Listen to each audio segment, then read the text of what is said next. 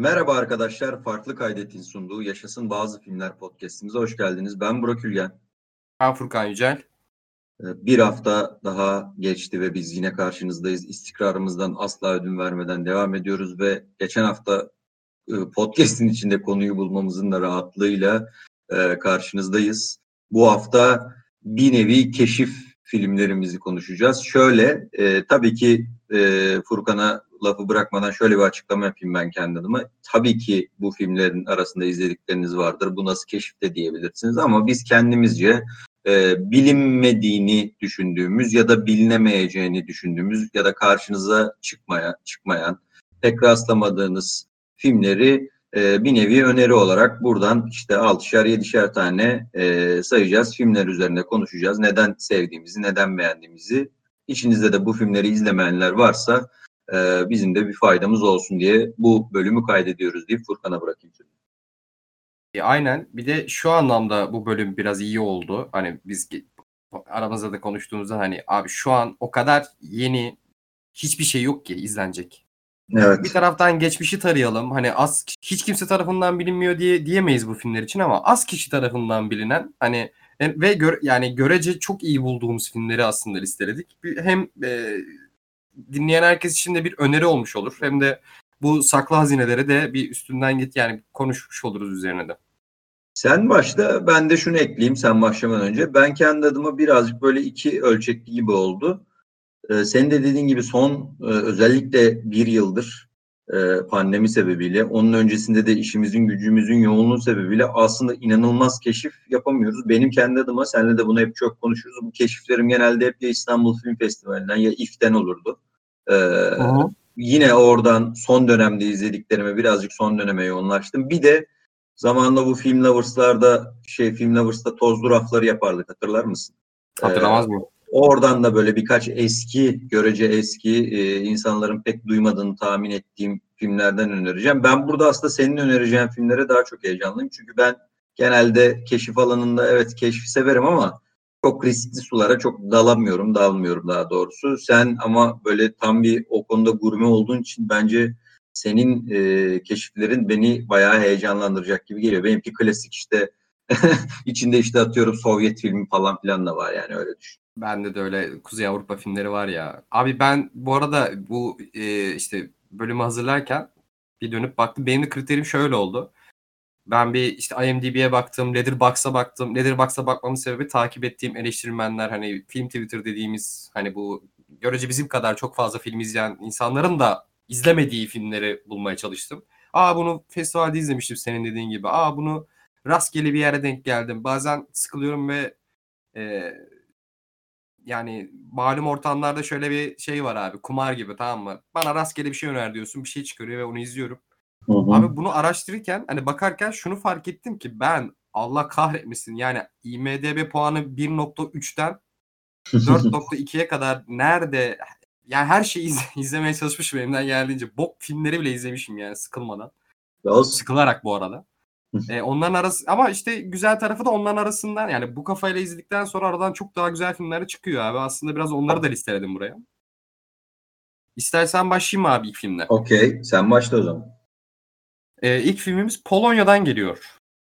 Polonya'yı hep Keştoski filmlerinden biliyoruz. İşte renk üçlemesi olsun, şey olsun. Çok fazla ben Polonya'dan çıkan bir yönetmen şu an hatırlayamadım açıkçası. Şey var işte Cold War. Ha, Cold War. Doğru Pavlikovski var. Hani yeni yeni ama hani yeni bir ya da iki yani anladın mı? Başka filmler de izlemek gerekiyor. Başka tür. Hani onlar biraz daha görece daha hiç sevmesen de bu ayrım ama senin radarına. Senin radarına çok Polonya sineması düşmemiştir büyük. Polonya sineması bayağı şey ya e, ne denir? E, kuvvetli aslında görece. Öyle söyleyeyim. Kuvvetli işte Keşowski ve Pavlikovski'yi de çok severim filmlerini ama Hani onlar biraz nasıl diyeyim sana? Bu işte hiç sevmediğim etiket var ya abi sanat filmi dedikleri. Daha Hı-hı. hani konsantrasyon daha içine girici hani o ruh haline çok fazla erişemedik bu son, son zamanlarda doğal olarak. Abi şimdi bu filmi anlatayım. Bu film neden radarıma takıldığını çok iyi anlarsın. Adı ne? Ee, abi I am yani İngilizcesi I am a killer diye geçiyor. Hı hı. Ama işte e, şeyde ha, bu arada filme girmeden önce şeyi de söyleyelim. E, biz burada şimdi işte Burak da Sovyet filmlerinden bahsetti. Biz burada adı farklı birçok filmden bahsedeceğiz ama e, podcast'i paylaştıktan sonra hem altına Letterboxd'da Bu arada Letterboxd üyeniz olsun ya da olmasın bakabilirsiniz orada. Geçen podcast'te de yaptık onu. Tıklayarak konuştuğumuz bütün filmleri oraya koyacağız.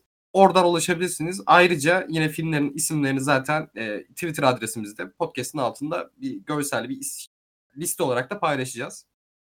Ee, Jestem, Jestem Morder kaymış. aynen abi. Kendi işte. Türkçesi yok. I am, İngilizcesi I am a killer diye geçiyor. Ee, Hı hı. orijinal ismi Jestem Mordeka. Abi şöyle Ben- 19 İzlemedim bu arada. Merakla dinliyorum o yüzden. ben sen ben sen çok seversin diye düşünüyorum. Ee, aslında böyle polisiye bir film diye açtım ben. Polisiye türünü çok severim. Birçok podcast'te dile getiriyorum bunu. Daha Polonya yapımı lan ilginç gerçekte bir hikayeymiş. Bir seri katil hikayesi. Allah Allah falan diye açtım izledim abi. Bu kadar güzelini beklemiyordum. Şöyle 1970'lerde geçiyor ve gerçek bir hikayeye dayanıyor. Ee, Silezya vampiri kod adı verilen bir e, seri katil sadece kadınları öldürüyor. Ee, hikaye şöyle abi bu cinayetleri araştıran genç bir tane polis şefini anlatıyor an- bir taraftan tamam mı? Ama bir taraftan da e, bu polis şefi abi ilk olayda işte atıyorum bir kasabada böyle sertliğiyle bilinen işte karısını döven işte mahzen şey var e, nasıl diyeyim evinde böyle mahzen bulunan aslında seri katil için çizilen profile çok uygun bir adamı yakalıyor bu herif. Tamam mı? Abi Hı hı. adam aslında gerçekten pisliğin önüne gideni Rıza Baba. e, şey yakaladığı Hı. adam. Abi ama adam bir türlü itiraf etmiyor. Diyor ki, ben yapmadım diyor. Tamam ben işte karımı dövdüm, kızımı dövdüm, kadınlara bir düşmanlık besliyor falan. Ben öldürmedim diyor. İşte bir taraftan bu ikisi arasındaki e, işte itiraf, e, bu sorgu halinde geçiyor. Ama abi bir taraftan da Polonya'da o dönemdeki bu polis işte bu nasıl diyeyim milis kuvvetleri arasındaki o güç dengeleri, carçurt bu yozlaşma abi o kadar güzel bir eleştiri üzerine kuruyor ki aslında bu hikayeyi. Ya şimdi spoiler vermeyeyim. Filmin ortalarında aslında pilot twistini yapıyor ve film bir polisiyeden inanılmaz politik bir noktaya geçiyor ve daha heyecanlı bir hale dönüyor abi. Yani basit bir katil kim hikayesi değil aslında.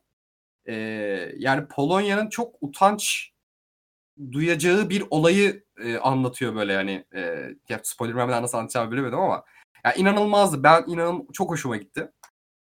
Hı hı. Ee, ve bu arada hikayenin güzelliği için izle iz- yani hikayenin güzelliği için bu filmi önermiyorum. Oyunculuklar, yönetmen de muhteşem. Zaten e, Pawlikowski ve işte Keşkovski'de gördüğümüz o Polonya'nın soğuk iklim o atmosferini bir de polisiyenin o karanlık atmosferi var ya o kadar uyumlu, o kadar güzel vermiş ki. Hem oyunculuklar hem de yönetmenlikle izleten bir film abi.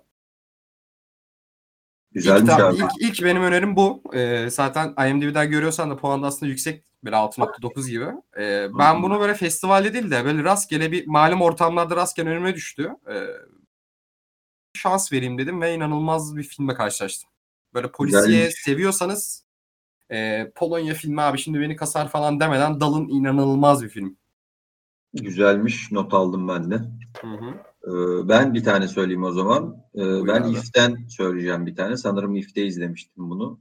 Hatta birlikte izlemiş olabiliriz biz bunu. Arap, Arabiya Oo evet beraber izledik. olabilir. Joe Duma, Joao Dumas ve e, Afonso Ucoa'nın e, birlikte yazıp yönettiği bir film. Brezilya filmi. E, şöyle e, aslında temelde e, bir karakterle başlıyor. Andre diye bir karakterle alüminyum e, fabrikasının böyle bir e, bulunduğu e, Brezilya'nın güneyindeki e, bir şehirde Andre'nin günlük hayatıyla başlıyor. Sonra yolu böyle Cristiano diye bir karakterle kesişiyor. Onun günlüğüne geçiliyor. Andre filmden çıkıyor aslında. Ve film bir daha başlıyor gibi bir noktaya geliyor. Abi ve efendim? Yok yok dinle. Abi evet diyor onayladım böyle. Ha. Çok acayipti ya. Sonra abi e, burada işte bir yandan da aslında bir e, bir yolculuğa dönüşüyor film. E, ve şey gibi abi hani sen de hatırlarsın böyle Cristiano sürekli şehir şehir gezip Brezilya'da işte gündelik işler yapıyor hayatta kalabilmek için. E, ve politik olarak da bilinçlenmeye başlıyor. Çünkü sürekli bir e, sömürüye maruz kalıyor. E, sürekli işte bir e, gücüyle, bedeniyle bir e, iş yapmak zorunda olduğu için sürekli bir sömürüye maruz kal- kalıyor. Bir şekilde sürekli ya hakkı verilmiyor ya işte ne denir ona e, ne de- e, böyle e, e, insani ilişkilerde sorunlar yaşamaya başlıyor. Yine bu sömürü e, çerçevesi üzerinden anlatılıyor bunların hepsi. İşte e, onun dışında abi baktığın zaman e, bir karakterin dönüşümünü sürekli bir yandan görürüz ama arka planda da ufak ufak böyle çok yoğun da olmasa da yine o e, bu sömürü sistemini çok güzel ince ince e, koyuyor, yerleştiriyor. Biraz durağan bir film. E, onu baştan söyleyeyim. Biraz zorlayabilir izleyeni ama totalde baktığında böyle bir e, karakterin politik olarak bilinçlenmesi, e, yaşadığı şeyler üzerine kendi emeğini, gücünü e, ortaya koyarken aslında nasıl sömürüye insanın e, müsait olduğu üzerine gerçekten de bayağı zihinde kalan bir filmdi. Ben de bu öneriyle başladım. Abi ben e, filmle ilgili şeyi hatırlıyorum. Ulan gerçekten çok şimdi çok böyle kasan bir film izleyeceğiz herhalde derken e, ben şeyi hatırlıyorum filmle alakalı. Hani bir 2-3 podcast öncesinde de yolculuk yol filmlerini konuştuk ya. Evet. Çok güzel bir yol filmine dönüşüyor. Hatta Evet orada baş, aklıma gelmemiş bu arada çok ilginç. baş karakteri ben şeye çok benzettim. Bu e, yol, yol filmlerinde de bahsettim ya işte Jack Kerouac bu bit kuşağı gibi hani Aha. Hı hı. abi yerleşik hayata karşı adam yollarda ama bunu bu film daha işçi filmi gibi, işçi hakları Evet. filmi gibi işliyor. Çünkü çalıştığı yerlerde Burak'ın da dediği gibi gördüğü, maruz kaldığı o baskı ve hani işverenlerin, işçileri umursamadığı, çok zor şartlarda çalıştırdığı, geri yeri geldiğinde parasını vermediği ama e, bu karakter de bu arada şey bir karakter değil hani paraya muhtaç bilmem ne. Ben şeyi hatırlıyorum mesela abi böyle edebiyat, müzik adam biraz bu kafalardaydı. Ama bir yerden sonra sistem seni ister istemez böyle politik bir tarafa çeviriyordu. Hani filmin izleyecek arkadaşlar varsa spoiler vermiyorum. Bir yerden sonra çünkü film yol filminden gerçekten bir işçi hakları filmine dönüşüyor böyle son yarım saatte falan. O Hı hı. çok çok acayip çıkmıştı bütünden ya onu hatırlıyorum. Oha ne güzel Aynen lan diye. Aynen öyle. Ben de onu Güzel tavsiye etmiş abi. oldum. Çok güzel öneri abi ağzına sağlık. Ben bizim topraklardan bir e, film önermek istiyorum abi. Bizim Hadi bakalım. topraklardan hiç bilinmedik nasıl bir film diye soracak olursanız yani e, Kara Kent'in Çocukları belki bin yıl önceki bir podcast'te bir kere daha adını geçirin diye hatırlıyorum. 3-4 kere geçirdin ya hatırlıyorum ben. Değil mi? Abi ben Evet. istiyorum bu filmi izlesinler ya. Bu film bu arada YouTube'da bile bulabilirsiniz. E, ama çok kötü çözünürlükte. Hani böyle 120p falan görebilirsiniz. Çünkü 2000 yılına ait bir film. Ya bu filmi önermemin sebebi şu. Türkiye'de underground film yok denecek kadar az. Ee, Karakent'in çocuklarında abi şöyle bir hikayesi var. İşte tam böyle Taksim'deki işte Dorak'ta takılan bu e, genç tayfa düşünün böyle. Bu te- genç tayfadan kastım aralarında da Nilüfer Açıkalan, Toprak Sergen falan var bu arada. Tabii 2000 yapım film. Aynen aynen. Bunlar böyle abi içiyorlar, şey yapıyorlar, rock müzik hani biraz daha şey havalar anladın mı? Hani hippie hippie gibi takıyor, takılıyorlar.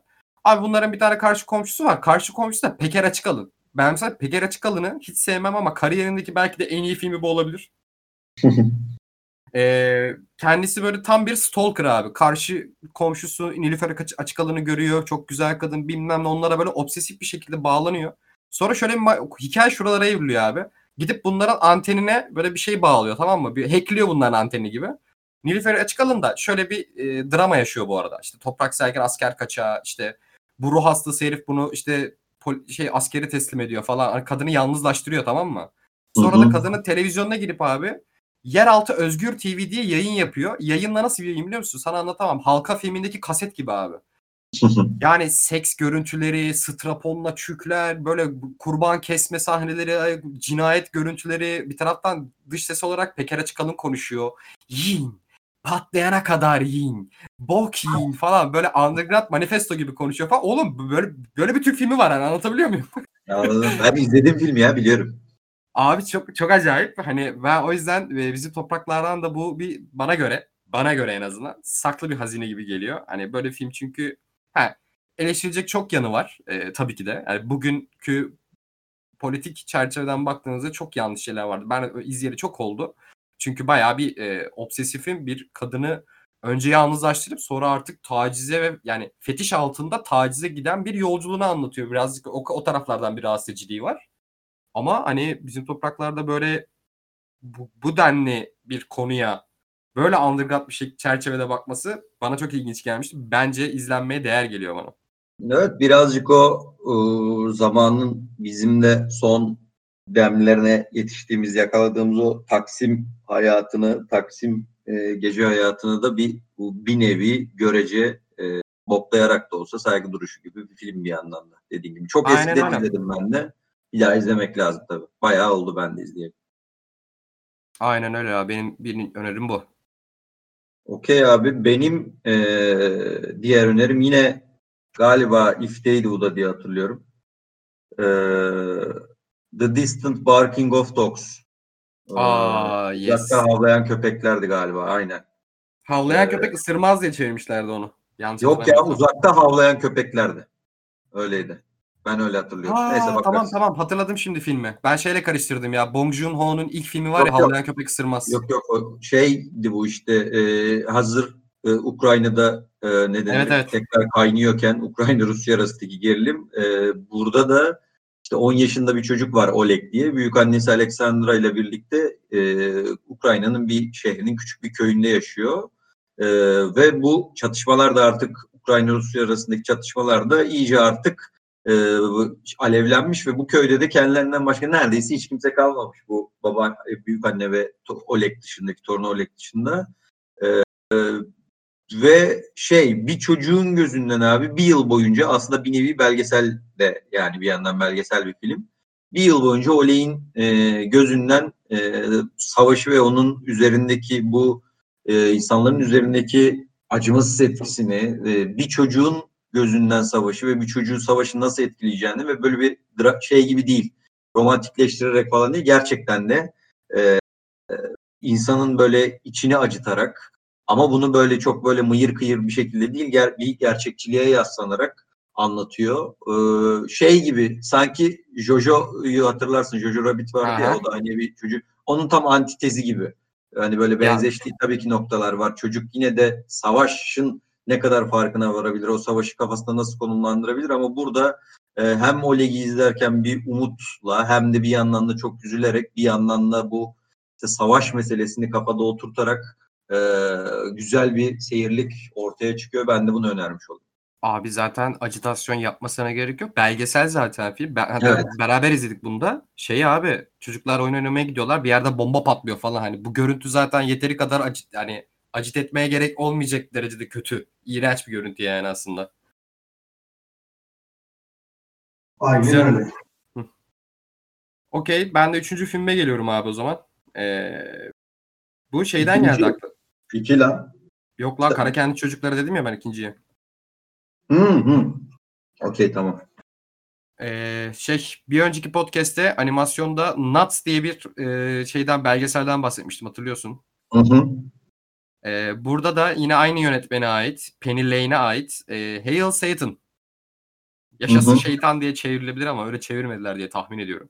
Hı hı. Abi bu da bir belgesel. Bu şu anlamda çok acayip bir belgesel. Ee, Amerika'da bir grup ateist abi e, eylem yapmak istiyorlar. E, ve diyorlar ki yani biz sesimizi nasıl duyurur, duyururuz? Ya ateistler olarak e, muhafazakar bir e, hükümeti karşısında e, nasıl sesimizi duyururuz diyorlar. E, sıfırdan bir isim atmak, sıfırdan bir akım yapmak, sıfırdan bir örgüt e, koyup biraz pazarlamacı gibi düşünüyorlar abi. Sıfırdan bir örgüt yaratıp sesimizi duyurmaya çalışmak zor olur. Bunlar da yıllarca Müslüman şey Müslüman demişim ya. Yıllarca dindarları korktuğu satanizmi gerçekten troll amaçlı olarak üzerlerine alıyorlar abi.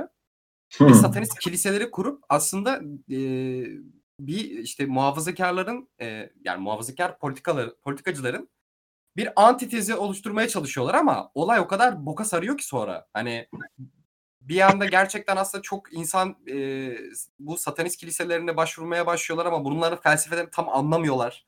E, hani biz şeytana tapmıyoruz, biz aslında hiçbir şeye inanmıyoruz demeye çalışıyorlar ama işte bir taraftan hükümetle aralarındaki o çek şeyler çekişmeleri gösteriyor. Buna heykel dikme, Baphomet heykeli dikmeye çalışıyorlar onun bir yerde. Çok komik ya hikaye. Oğlum galiba yanlış hatırlamıyorsam böyle görece vergiden muaf tanınan bir kilise falan oluyorlar değil mi? A- aynen aynen ya o o kadar saçma ya şey de var ki işte yani e, işte bir İsa heykeli dikiyorlar. Bunlar bunun ne kadar yanlış olduğunu anlatmak için abi bir yere de Baphomet heykeli dikmeye çalışıyorlar. Hani e, satanizmin simgesi olarak. Abi olay sonra şöyle boka çıkıyor. Yani çok da e, şey biraz toparlayayım. Abi bir taraftan hükümetle işte dediğim gibi çatışıyorlar. Bir taraftan bunları gerçekten satanist zannedip gerçek satanistlerin bunların arasına katılmasıyla böyle iç çatışmalar başlıyor falan. Ya bir troll olarak bir troll eylem olarak başlayan hikaye o kadar saçma yerlere gidiyor ki. Ben izlerken altıma sıçtım. Ya çok komik yerleri de vardı. Ya Penny Lane'in Nuts hikayesini de çok sevmiştim. İkinci filmi Hale Set'in çıktığı gibi izledim. Abi bu da çok güzel bir belgesel. Bunu da tavsiye ederim şiddetle.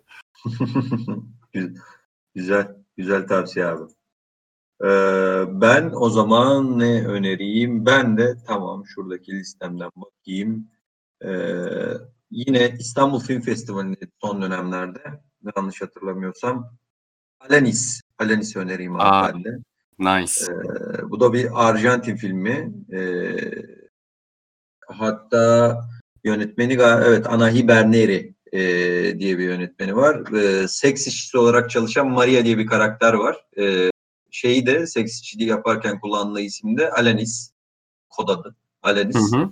E, onun üç gününü anlatıyor film. E, ve e, bu konu hep bir bıçak sırtı bir konudur ya. E, işte seks işçiliği nasıl yaklaşılacağı, nasıl anlatılacağı özellikle şeyde kadrajda nasıl anlatılacağı yani bence gayet çok doğru bir bakış açısıyla e, hem e, anlatı olarak hem de e, ne bir işte e, kameranın duracağı yerler çünkü şey çok kritiktir ya bu tip konularda e, kadın bedenini nasıl gösterdin kamerada yani bunları falan gayet böyle e, bir meta olarak değil e, kadın bedenini ama vücudu böyle bir salınım olarak mesela gösteriyor bir şekilde o kamera hareketiyle böyle çok güzel teknik detayları da var bir yandan da böyle e, aslında e, Arjantin hükümetinin seks işçilerine karşı ne kadar iki yüzlü olduğunu, e, dışarıda çalışmalarına izin veriyor ama atıyorum bir evde çalıştığı zaman hemen direkt işte baskınlar. Hemen işte e, e, mesela o ailenin ve kadının kutsallık kavramı falan. Bunların üzerinden abi. Bir e, de kadın bir taraftan da anneydi. Hani tabii tabii küçük bir çocuğu var. Hatta işte e, o dönemde çok tartışıldı o emzirme sahneleri falan filan var abi. Afişi hatta afişinde Tabii, direkt emzirme vardı. vardı. Ee, yani işte burada şeyi bence çok güzel e, sunuyor. Ya yönetmen film e, bu kadar riskli bir suda dediğim gibi kadının bedenini bir şekilde ekrana sunuş biçimi çok doğru bir noktada. Hani bunu şeyde de hep konuştuk ya işte Can Evrenol'un dizisinde falan. Bu çok kritik bir noktadır Hı-hı. falan diye. Ya bu konuya dair bence referans filmlerden biri bana kalırsa son dönemdeki. Bir de tüm bu teknik meselenin dışında arkadaki konusu da e, şey e, yine Arjantin'de de hem seks için anlatırken hem de mesela bir yandan aslında Buenos Aires'teki göçmenlerin de hemen hemen seks işçileriyle aynı e, şeyde olmaları, aynı pozisyonda olmaları aynı şekilde hor görülmeleri, itilip kakılmaları gibi şeylerle de sınıf meselesinde işte o, o özgürleşme meselesinde çok iyi arka planına oluyor. Ee, ben de bunu önermiş olayım. Başroldeki Sofia Gala'da çok iyi bir performansı var. İnanılmaz ee, ya. E, ki oğlu da aslında kendi oğluymuş filmdeki. E, o da çok ilginç bir şey, e, detay. Oyna, e, filmdeki çocuk da.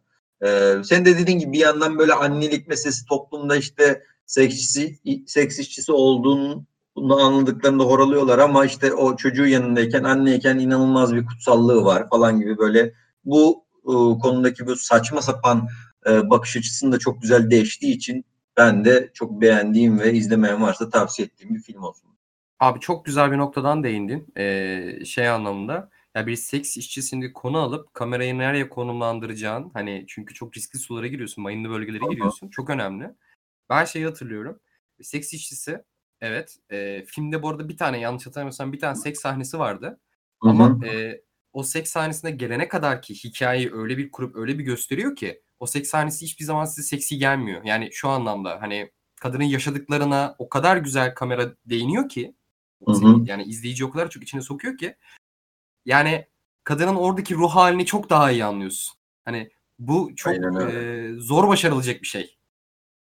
Doğru. Gibi geliyor bana.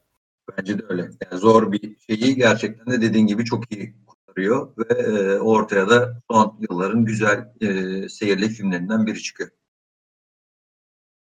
Süper öneri oldu valla. Okey. O zaman bende mi? Sende. Tamamdır. Ben de o zaman Torremolinos 73. Büyük ihtimalle kimse duymadı bu filmi. ben vallahi iz- duymadım galiba. İzlemedim de yani. Abi İspanya filmi. Pablo Evet, Ber- Pablo Berger diye okuyorum bunu çünkü İspanyol olduğu için herhalde böyledir diye tahmin ediyorum. Ee, abi şöyle 1973'teki ya İspanya'da 1973'te geçiyor. Bir tane şey memuru abi. Kapı kapı dolaşıp insanlara ansiklopedi satmaya çalışan bir portacı aslında bu adam. Çok böyle hı. evli, çok böyle nezih bir hayatı var falan. Ama abi e, dünya işte artık ansiklopedilere ilgi duymamaya başlıyor tamam mı? Ondan Aha. sonra ne yapayım, ne edeyim, ne yapayım, ne edeyim. Buna şöyle bir proje geliyor. İşte çalıştığı firmada. Kamera veriyorlar. Diyor ki insanlar artık ansiklopedi okumuyor. insanlar artık daha çok video tüketiyor. Sen e, seksle ilgili eğitici videolar çek diyor. Ulan nasıl yapacağım, nasıl edeceğim derken kendi karısıyla beraber seks eğitim videoları çekiyor. Abi Hı hı. hikaye böyle başlıyor. Herif porno yönetmene doğru gidiyor. Ama o o aradaki bölgeyi bölümü. Ha bir taraftan da bu adamın hayatı hayatı Bergman gibi olmak. Ve film filmin abi başından sonuna kadar sürekli Bergman filmlerine referanslar içeriyor falan. Hani Hı hı. film böyle e, dram komedi. Hani bir taraftan çünkü e, İspanya'nın o dönemdeki daha aşağı sınıfını, daha ekonomik sıkıntılarını, hani bunun üstesinden gelmeye çalışması çalışan bir karakter üzerinden çok güzel veriyor. Ve hani spoiler olmasın yine tabii ki de adam hani bu yani seks eğitim videoları çekiyor ama bir taraftan sonra porno yönetmenine doğru gidiyor ama o aradaki öyle güzel yazıyor ki hikayeyi. Bir taraftan adam hayalini gerçekleştirmeye çalışıyor ama bazı şeylerden feda etmeye çalışıyor. Oraları söylemeyeyim. Oralar filmin en can alıcı noktaları diye düşünüyorum. Torremolinos 73. 2003 yapımı. Pablo Berger'in filmi. Ee, tavsiye ederim. Çok çok güzel film. Benim çok hoşuma gitti. Bu arada bir sürpriz. Ben hiç beklemiyordum filmi izlediğimde. Bu arada yine ya fragman ya birisinin bahsediyordu da öyle denk geldim izlediğim filmi. Abi Mads Mikkelsen var ve inanılmaz genç. Böyle daha herhalde tanınmadığı dönemler. Olabilir. Abi çok çok acayip bir film. Tavsiye ederim. Naizan tavsiyem. Onaylıdır benden. Hatta Letterboxd'a 4 yıldızı yapıştırmışım direkt yani. çok hoşuma gitmişti film. Okey. Notumu aldım. Ee, ben eskilerden bir film söyleyeyim. Ben bunu bizim e, Alp Karaçaylı sayesinde keşfettim. Ee, 53 yapımı olması lazım. Eski bir 59 Oo. yapımı. Ee, Sudba Çe, Çeloveka diye. Oo. Sudba Çeloveka diye sanırım okunuyor. Ee, bir Sovyet filmi Ee, dediğim gibi ve şey üzerine e, yönetmeni de abi ha Sergei Bondarchuk yönetmeni. O da kendisi de 2. Dünya Savaşı'nın sonlarını yaşamış. Bir yandan da e, Gerasimov Sinematografi Enstitüsü'nde aldığı e, sinema eğitimiyle bu yaşadıklarını böyle birleştirip e, gerçekten de e, katılıyorum Alp şey yazmış. Tarihin e, en etkileyici epik drama savaş filmlerinden biri diyor. Bence de öyle kesinlikle. E, şöyle Sokolov adlı bir askerin e, daha doğrusu şöyle marangoz ve şoförlük yapan bir köylünün e, bu İkinci Dünya Savaşı'nın başlamasıyla beraber e, nasıl dünya değişiyorsa Sokolov'un da hayatı değişiyor. Bunun üzerine e, ve şey gibi normalde bu tarz filmleri hep o yıllarda şey gibi düşünebilir insanlar hani e, Sovyetlerin bir propaganda filmi gibi düşünebilir. Hani faşizme karşı yaptığı. Hiç o sularda değil ilginç bir şekilde e, böyle çok propaganda dili kullanmadan böyle savaşın insan hayatına dair e, etkilerini e, Sokolov'un üzerindeki etkilerini çünkü savaşın bitmesi bir yandan da onun için ne olacağını bilmemek gibi bir şey falan içeriyor mesela. Hani e, kazanıyor mu, kaybediyor mu, e, bir yandan işte e, bir savaşın içinde ama bir yanda e, kendi kurduğu bu e, ya da askerlerin kendi arasında kurduğu o e, çıkarcı ilişkiler üzerinden böyle insanlığını sorguladığı yerler falan var. E, bayağı bence çok etkili bir anlatım var. Çok eski bir film olmasına rağmen mesela işte plan sekans sahneler falan var böyle bombalama sahnelerinde. Bayağı Oo. şaşırmıştım izlerken yani. Güzel de bir yönetmenliği var. Ee, birazcık şey gibi kahramanın yolculuğu e, modelini hep konuşuyoruz ya biz hani. Hı. birazcık o sularda yüzüyor. Ama bir yandan da dediğim gibi bunu yaparken o yıllarda e, çok propaganda dilini kullanmadan görece daha e, ne denir ona daha şey bir dille, daha böyle insani bir taraftan yaklaşması meseleye ta 59 yılında beni bayağı etkiledi. E, bilen biliyordur bu Sovyet sinemasında ilgili olanlar mutlaka biliyordur ama e, çok o sularda bezi olmayan şey taraha o taraklarda bezi olmayan arkadaşların da ama merak ediyorlarsa bu tarz savaş filmlerini e, ben de bunu e, Subda Çeloveka'yı tavsiye etmiş olayım. Oha, güzelmiş lan aldım kenara. Bu arada yönetmen aynı zamanda başrol. Yok Şimdi değil değil. Değil değil. Öyle yazıyor abi. Baş karakter bak Sergey Bonlar. öyle öyle pardon pardon doğru özür dilerim. Sokolov'u canlandıran oymuş. Aha, o- İngilizcesi de e, İngilizcesi de Fate of a Man. Zaten dediğim gibi şey sonrasında da isimleri yaz- yazarız şeylerin, filmlerin. Hı hı, Abi Doğru, doğru. Ben alacağım bunu kenara. hı hı. Okey. Bende mi sıra? Ben de Tamamdır. O zaman ben de eee, biraz yine yakın yerlere, yakın coğrafyaya gidiyorum ve Yunanistan'a gidiyorum. Zenya. Eee, Zenya eee, benim tesadüfen keşfettiğim film oldu abi. Eee, Yunan Yeni Dalgası filmi adı altında diye düşünüp izledim. Daha doğrusu öyle bir çıktı karşıma. Bir listede gördüm. Eee, burada hiç alakası yok. Onu söylemek istiyorum. Hı hı. Eee, Panos, eee, Panos E. Kotras'ın filmi. Hı hı. Abi film şöyle iki tane eee neydi? Arnavut. Heh, iki Arnavut kardeş abi. Tamam. Biri 16 yaşında, biri 18 yaşında. 16 yaşında olan böyle eee, nasıl diyeyim sana? Eşcinsel bir karakter. Böyle sürekli ağzına lollipop olan, işte seks işçiliği yapan görece. E, tam Hı hı. mesleği seks işçisi değil ama hani çünkü bu ikisi ekonomik sıkıntı çeken iki kardeş. Anneleri ölmüş ve abisiyle beraber babalarını bulmak için bir yolculuğa çıkıyorlar. Ama bir taraftan da e, Yunan Yunanistan vatandaşı olmak istiyorlar. Ve bu yüzden para da kazanmak istiyorlar abi. Ve bir taraftan para kazanmak için yani karakterlerden bir tanesinin yolculuğu para kazanmak için e, bu para kazanmayı da şöyle O Ses Türkiye'ye katılmak istiyorlar abi. Yani Yunanistan'daki O Ses Türkiye'ye katılmak istiyor. Çünkü sesi çok güzel abi senin.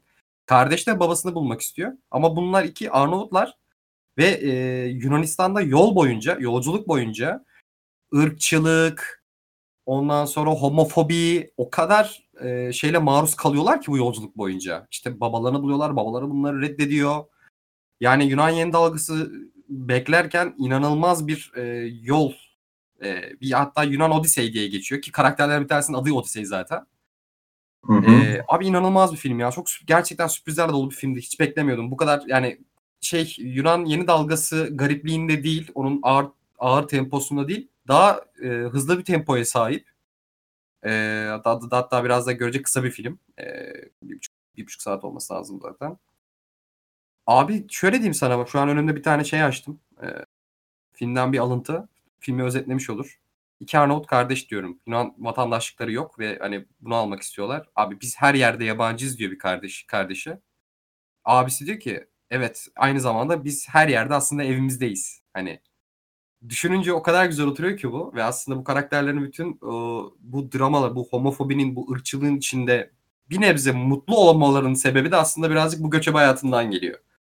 Çok inanılmaz bir film ya. Çok çok yani yüreğiniz ya yürek ısıtan yeri geldiği zaman yeri geldiğinde hayvan gibi yürek burkanlı bir film.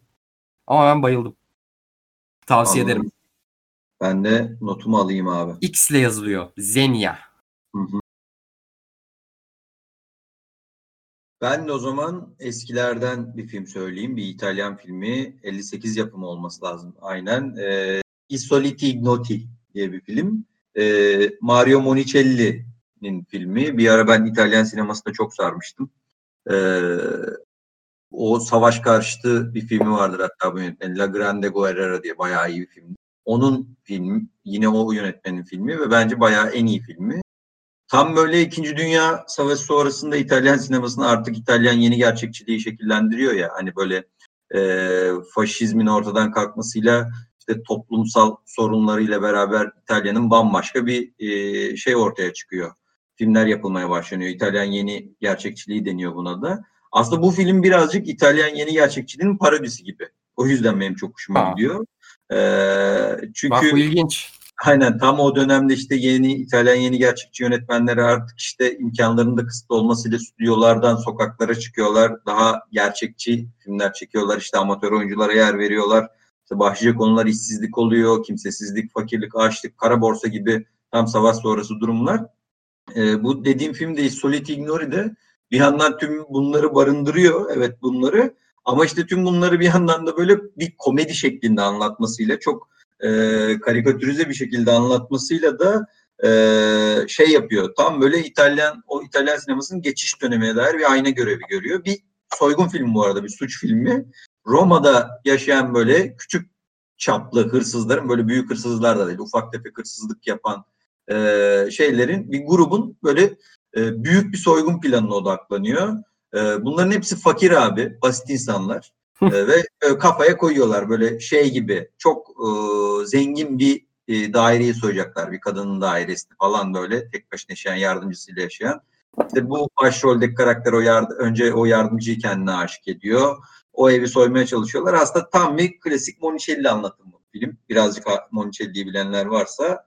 Ve bir türlü abi bu soygun olmuyor aslında temelde. Hapse giriyorlar, çıkıyorlar işte bilmem ne. Ondan sonra e, tekrar o şeyi e, bir bir sırrı var soymak istedikleri. Onu girmek için, onu öğrenmek için bir daha hapse giriyorlar. Sonunda o eve giriyorlar abi. Ama bir türlü o soygunu yapamıyorlar. Ve hatta filmin sonunda şu şey diye bitiyor abi hani e, soymaya çalıştıkları evde böyle artık yemek yiyorlar bir türlü soyamayınca evi. falan böyle abi. Hani şey gibi böyle e, alın teri iyidir gibi bir mesajla bitiyor. Baya böyle komik. E, bir de şey çok affedersin lafını yok, bir de yok. bunları yaparken abi şeyi güzel işte tüm bunları karikatürize bir şekilde komik bir şekilde anlatırken gerçekten de arka planda da böyle işte o savaştan çıkmış İtalya'nın hem ekonomik hem de sosyolojik durumuyla alakalı böyle onlarca bilgi veriyor ufak ufak. Ee, işte köyden kente göç artmış, insanlar acayip bir yoksulluk içinde, e, kara borsa, eşya rehin bırakma falan işte hırsızlık ve soygun böyle normal bir şeye dönüşmüş artık. Tüm bunları abi çok böyle e, komik bir şekilde anlattığı için eski bir film. Tavsiye ederim ben de. Oğlum çok iyiymiş ya. Bir de hani İtalyan yeni gerçekçiliğini parodi olarak yapıp bir de gereksiz İngiliz mizahı yapmaları yani. Aynen abi biraz öyle. çok acayip. Ben gerçekten bilmiyordum. Hani e, ben direkt totum düştüm. Yakın zamanda izlerim ben bunu ya. Abi çok Bayağı eğlenceli. Tavsiye ederim. İngilizcesi de bu arada şey Issoliti Ignoti dediğin sen. İngilizcesi de Big Deal on Madonna Street diye geçiyormuş. Madonna sokağındaki büyük soygun falan. Ay, yani. abi, çok çok güzelmiş oğlum konusu ya. çok saçma abi güzel tavsiye ederim. Okey. Ee, ben de ben de bunu bir kanaldan ön, e, öneri olarak aldım. Ben de bunu burada önermek istiyorum. Bunu geçenlerde tweetine attım. Filmin adı Shin Godzilla. Sağ olsunlar. Yani bunu e, Can Sungur ve Tancan'ın yaptığı yatay bakışta konuşuyorlardı. Bu ikisi çok çok iyi bir geyiktir bu arada. Yani çizgi roman geç şeyleri, bilgileri inanılmaz iyidir. Ee, onlardan geyik film önerisi çok fazla alıyordum ama bunu hiç duymamıştım bu arada onlar konuşana kadar. Abi böyle dinlerken bir iki bir şeyden bahsettiler. Durdurdum. Oturdum filmi izledim. Oğlum hiç böyle bir şey beklemiyordum. Yani neden bunu aldım buraya? Şundan dolayı aldım. Abi yaratık filmi değil. Sakın böyle şu an daha yakın zamanda Kong vs Godzilla girdi. Ee, sakın öyle bir şeyle karşılaşacağınızı düşünmeyin. Yönetmeni kim bu arada? Abi yönetmenini söyleyeyim hemen sana. Çok hazırlıksız bir yerden sordum. 2016 yapımı bir film bu arada. Hı hı. Hideaki Anno ve e, Shinji Higuchi. o da yardımcı yönetmenmiş. E, abi ben şuna çok şaşırdım. Yani e, şeyin yayın hakları Godzilla'nın yayın hakları her ne kadar şey ya Godzilla Japonya'dan çıkma bir e, mit olsa da bunun yayın haklarını Amerika alıyor. Hani zaten şu an bildiğimiz saçma sapan Godzilla filmlerini yapıyor. Okey. Ama abi bu abi Shin Godzilla'yı şöyle işlemiş. E, filmin daha ilk 5 dakikasında Godzilla'yı gösterince ben de dakika bir attı. O okey şu an farklı bir şey izleyeceğim herhalde diye. Çünkü evet. Amerika Godzilla filmlerinde hep şöyledir. Yaratığı hiçbir zaman göstermez en büyük oyunu da size e, o yaratığı nasıl tasarladığını satar aslında Amerikan filmleri. Önce gerilimi verir verir. verir. Aynen aynen. Hiç göstermez yaratığı falan. Sonra işte bak size böyle CGI'li bir şey yarattık diye. Abi bu 5. dakikada şak diye gösteriyor ve görece çok da komik bir şey gösteriyor. Abi film ondan sonra Godzilla'yı kenara bırakıyor. Baya başbakan kabine oturuyorlar abi. Godzilla'ya karşı ne yapacağız? Bütün film emir komuta zincirlerindeki bu saçmalıklar ve hani böyle bir felakete karşı politikacıların elinin kolunun bağlanmasını o kadar güzel eleştiriyor ki. Bayağı politik film. Hayvan gibi politik film hem de. Yani oğlum çok komik. Yani böyle Godzilla'ya ateş edecekler falan böyle işte tam ateş edeceklerken önünde şey geziyor abi. İşte yaşlı bir kadın işte siviller falan var böyle. O sırada abi herkes birbirine telefon açıyor. Vuralım mı? Vuralım mı? Vuralım mı? Vuralım mı? Vuralım mı? Vuralım. Askerden komutana, komutandan şeye en son başbakana kadar. Hani böyle bürokratik e, işlemleri parodi şeklinde o kadar güzel veriyor ki. Godzilla bir ara sonra önemsiz. Ha ama altına da şunu ekliyor adam bu arada hani içten içe. İşin içine tabii ki de Amerika dahil oluyor. Yani Japonya'nın böyle bir felaket aslında e, doğal felaket karşısında e, yurt dışı politikası, yurt yani biraz kendi tarihine bir hatırlatma çekiyor Shin Godzilla'da abi. Godzilla'nın şehre saldırmasıyla ki bu arada nükleer kaza sonucu ortaya çıkan bir mite sahip zaten Godzilla. Ama abi işte oradan da bir Amerika'ya da böyle bir ya okyanus ötesine de bayağı bir adam nükleer kusmuş abi filmde öyle diyeyim sana. Güzelmiş ben de. Ya. Ben de yani bunu beğendim. Önemli, önemli değil filmde abi. 5 dakika falan gözüküyor bu arada. Hani 2 saatlik filmin 10 dakikasında Godzilla var. Geri kalanı full abi. Askeri, işte başbakan, işte e, kabinenin aldığı saçma kararlar. Ya böyle uzmanları dinleyelim falan diyorlar. Uzmanlar o kadar hiçbir şey bilmiyorlar ki. Ama büyük ihtimalle hükümete yakın tipler olduğu için böyle onları kale almaya çalışıyorlar falan böyle. Onlar da nasıl oldu bilmiyoruz ki falan. Hani böyle komediler var. Hani bugün de bizim e, politika artık e, sosyal medyayla beraber bütün dişlerin ne kadar saçma olduğunu, gözümüzün önünde olduğunu bildiğimiz için bu filmdeki o mizahı yakalamak o kadar mümkün ki. Direkt tavsiye ederim. Yani ben dediğim gibi Can Sungur ve Tancan sayesinde öğrendim bunu. Onlara da hakikaten te- teşekkür ettim. Twitter'da da burada da tekrar edeyim. Ben de size önereyim bizi dinleyenlere. Ben ikisini de severim kardeşim. zaten. Can Sungur zaten o geek yapardan biliyoruz. Tancan da e, Tancan'ı ben basketbol muhabbetleriyle tanıdım. E, basketbolda çok iyi biliyor. NBA üzerine de yayınları vardı. Sonra baktım Tancan bayağı e, şey e, sinemaya ilgili. Hatta sonra onların senin de dediğin yatay bakış programlarını falan arada izliyorum. Onları da buradan tavsiye etmiş olalım. Filmi de not aldım. Heh, geldi siz. Tamamdır abi. Kesin izle ya. Sen de seversin. İnanıyorum yani. Sesim gitti mi o ara? Tam Tancan'ı övmüştüm. Evet evet. Yok yok senin sesini duydum da ben, ben konuş şey yapamadım. Ha, anladım. Okey. Ee, Okey abi. Ben de yine İF'te izlediğim ee, yine seninle büyük ihtimalle bunu beraber izledik. Ben İF'e çok takılmışım keşiflerde ya da İstanbul Festivali onu fark ettim. Biz bir ee, İF'e beraber neredeyse 10 filmi falan beraber izledik. Evet genelde de onun arasından 2-3 film seçmişim yakın dönem olsun diye. Ava abi hatırlar mısın? İran filmiydi. Aa hatırladım. Küçük kız çocuğu değil mi? Aynen öyle. Yes hatırladım. Ee, e, İran e, doğumlu Kanada'da yaşayan Sadaf Faruguni'nin ilk uzun metrajıydı. E, Ava isimli 16 yaşında İran'da yaşayan bir gencin e, aslında çok klasik konular, İran'a dair klasik konular, e, büyümesiyle beraber, ergenliğe girmesiyle beraber e, hem kendini keşfetmesi, bir yandan kendini keşfetmeye çalışırken de e, İran'ın e, o politik ikliminin üzerine kabus gibi çökmesi hem gerek arkadaş çevresinden hem görece aklı başında eğitimli dediğimiz ailesi tarafından e, aile de çok ilginç konumlanıyor. Ne kadar görece açık da olsa o İran'ın politik ikliminden o kadar etkilenmiş ki ailede e, kızları için o kadar çok korkuyorlar ki mecburen hem anne, önce anne sonra baba e, kızını baskılamak, kızlarını baskılamak e, zorunda kalıyor. İşte ava sanatla ilgilenmek istiyor fakat işte e, annesi doktor asla sanatla ilgilenmesini istemiyor. İşte bir erkek arkadaşı olsun istemiyor. E, hatta böyle bekaret testine falan götürüyordu yanlış hatırlamıyorsam.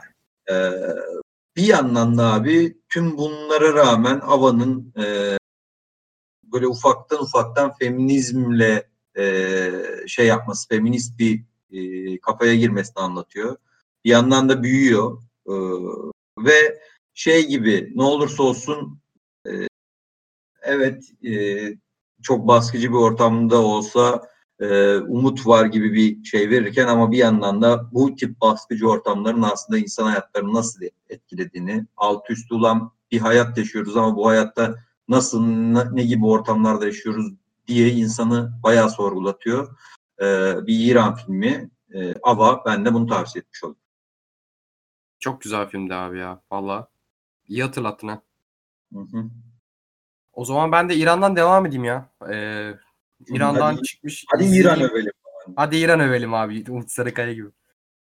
Şey, e, İran'dan çıkmış en iyi film diyemem ama izlediğim en vurucu filmlerden bir tanesiydi. E, deneyimlerden bir tanesi diyeyim hatta. Fish and Cat. Şahram Mokri'nin filmi. Sen izlemiş miydin abi? İzledim izledim. Abi ben zaten Letterboxd'da 5 yıldızı yapıştırmışım hemen direkt. E, şöyle özetleyeyim ben size. Bu, bu arada yanlış hatırlamıyorsam gerçek bir hikayeden alıntı. Hı hı. Ee, hatta yani ben konuya düşmüştüm ilk başta. Çünkü İran'da bir restoranda bayağı yamyamlık suçuyla yakalanmış iki kişiden falan bahsediyordu. Abi oha bu nasıl hikaye lan deyip böyle izledim. Abi şöyle bir filme denk geldi. Bir grup öğrenci uçurtma etkinliği diye böyle doğa böyle göl kenarı bir yere gidiyorlar. Ve bir taraftan da bu bahsettiğim restoran da bu göl kenarının çok yakınında. Şimdi oradaki öğrenciler, öğrencileri kendi içlerindeki dinamikleri bu arada yani aşk hikayeleri olsun, arkadaşlık hikayeleri olsun bilmem onları da görüyoruz bir taraftan. Abi filmin en vurucu noktasını söyleyeyim. Film baştan sona tek plan. Tabii ki de sadece bu değil vurucu çünkü tek plan film çok izledik baştan sona. Hı hı. Abi yani film e, delilik şu anlamda delilik hiç durmuyor. Mekana yönetmeyen Şahram Mokri mekana nasıl artık hakimse ya da ne kadar prova yaptıysa çok merak ediyorum bunu. Çünkü bir yerde abi film tek plan olmasına rağmen flashback yapıyor abi. Baya. Christopher Nolan vari bir kurgu yapmış tek planda. Sen oğlum bu akıl hastalığı gibi film ya inanılmaz yani. Manyak bir deneyim. Ya baştan sona kadar e, bu tek plan olmasına rağmen çünkü tek plan dediğinizde hep şey bir riski vardır. Hani çünkü insanlar bir yerden bir yere yürüyorlar. Kocaman bir göl kenarı sahadan bahsediyoruz. Yürü Allah yürü yürü Allah yürü yürü Allah yürü değil. O işte karakterler arasındaki o ilişkileri, o diyalogları falan o ritmi o kadar hiç bozmuyor ki. Yani o ritmi sürekli seni diken üstünde tutuyor.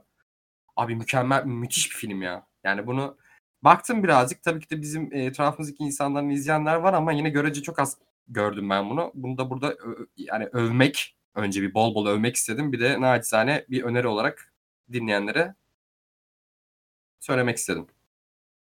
Güzel abi. İyi filmdir. Ben de tavsiye ederim yani. İnanılmaz. Gayet iyi filmdir. Ben o zaman ne öneriyim? Hemen dur bakayım listemde. Şey var. gibi değil mi böyle tombala gibi böyle. Ne Aynen önereyim? öyle. Not almışım ya oradan böyle önerim, önerim diye bakıyorum. Ee, filmin şeyini bulamadım da birden. Ee, İngilizce adını ona bakıyordum. Yine senle o dönem birlikte izlediğimiz filmlerden biri de bu. Hatırlama egzersizleri.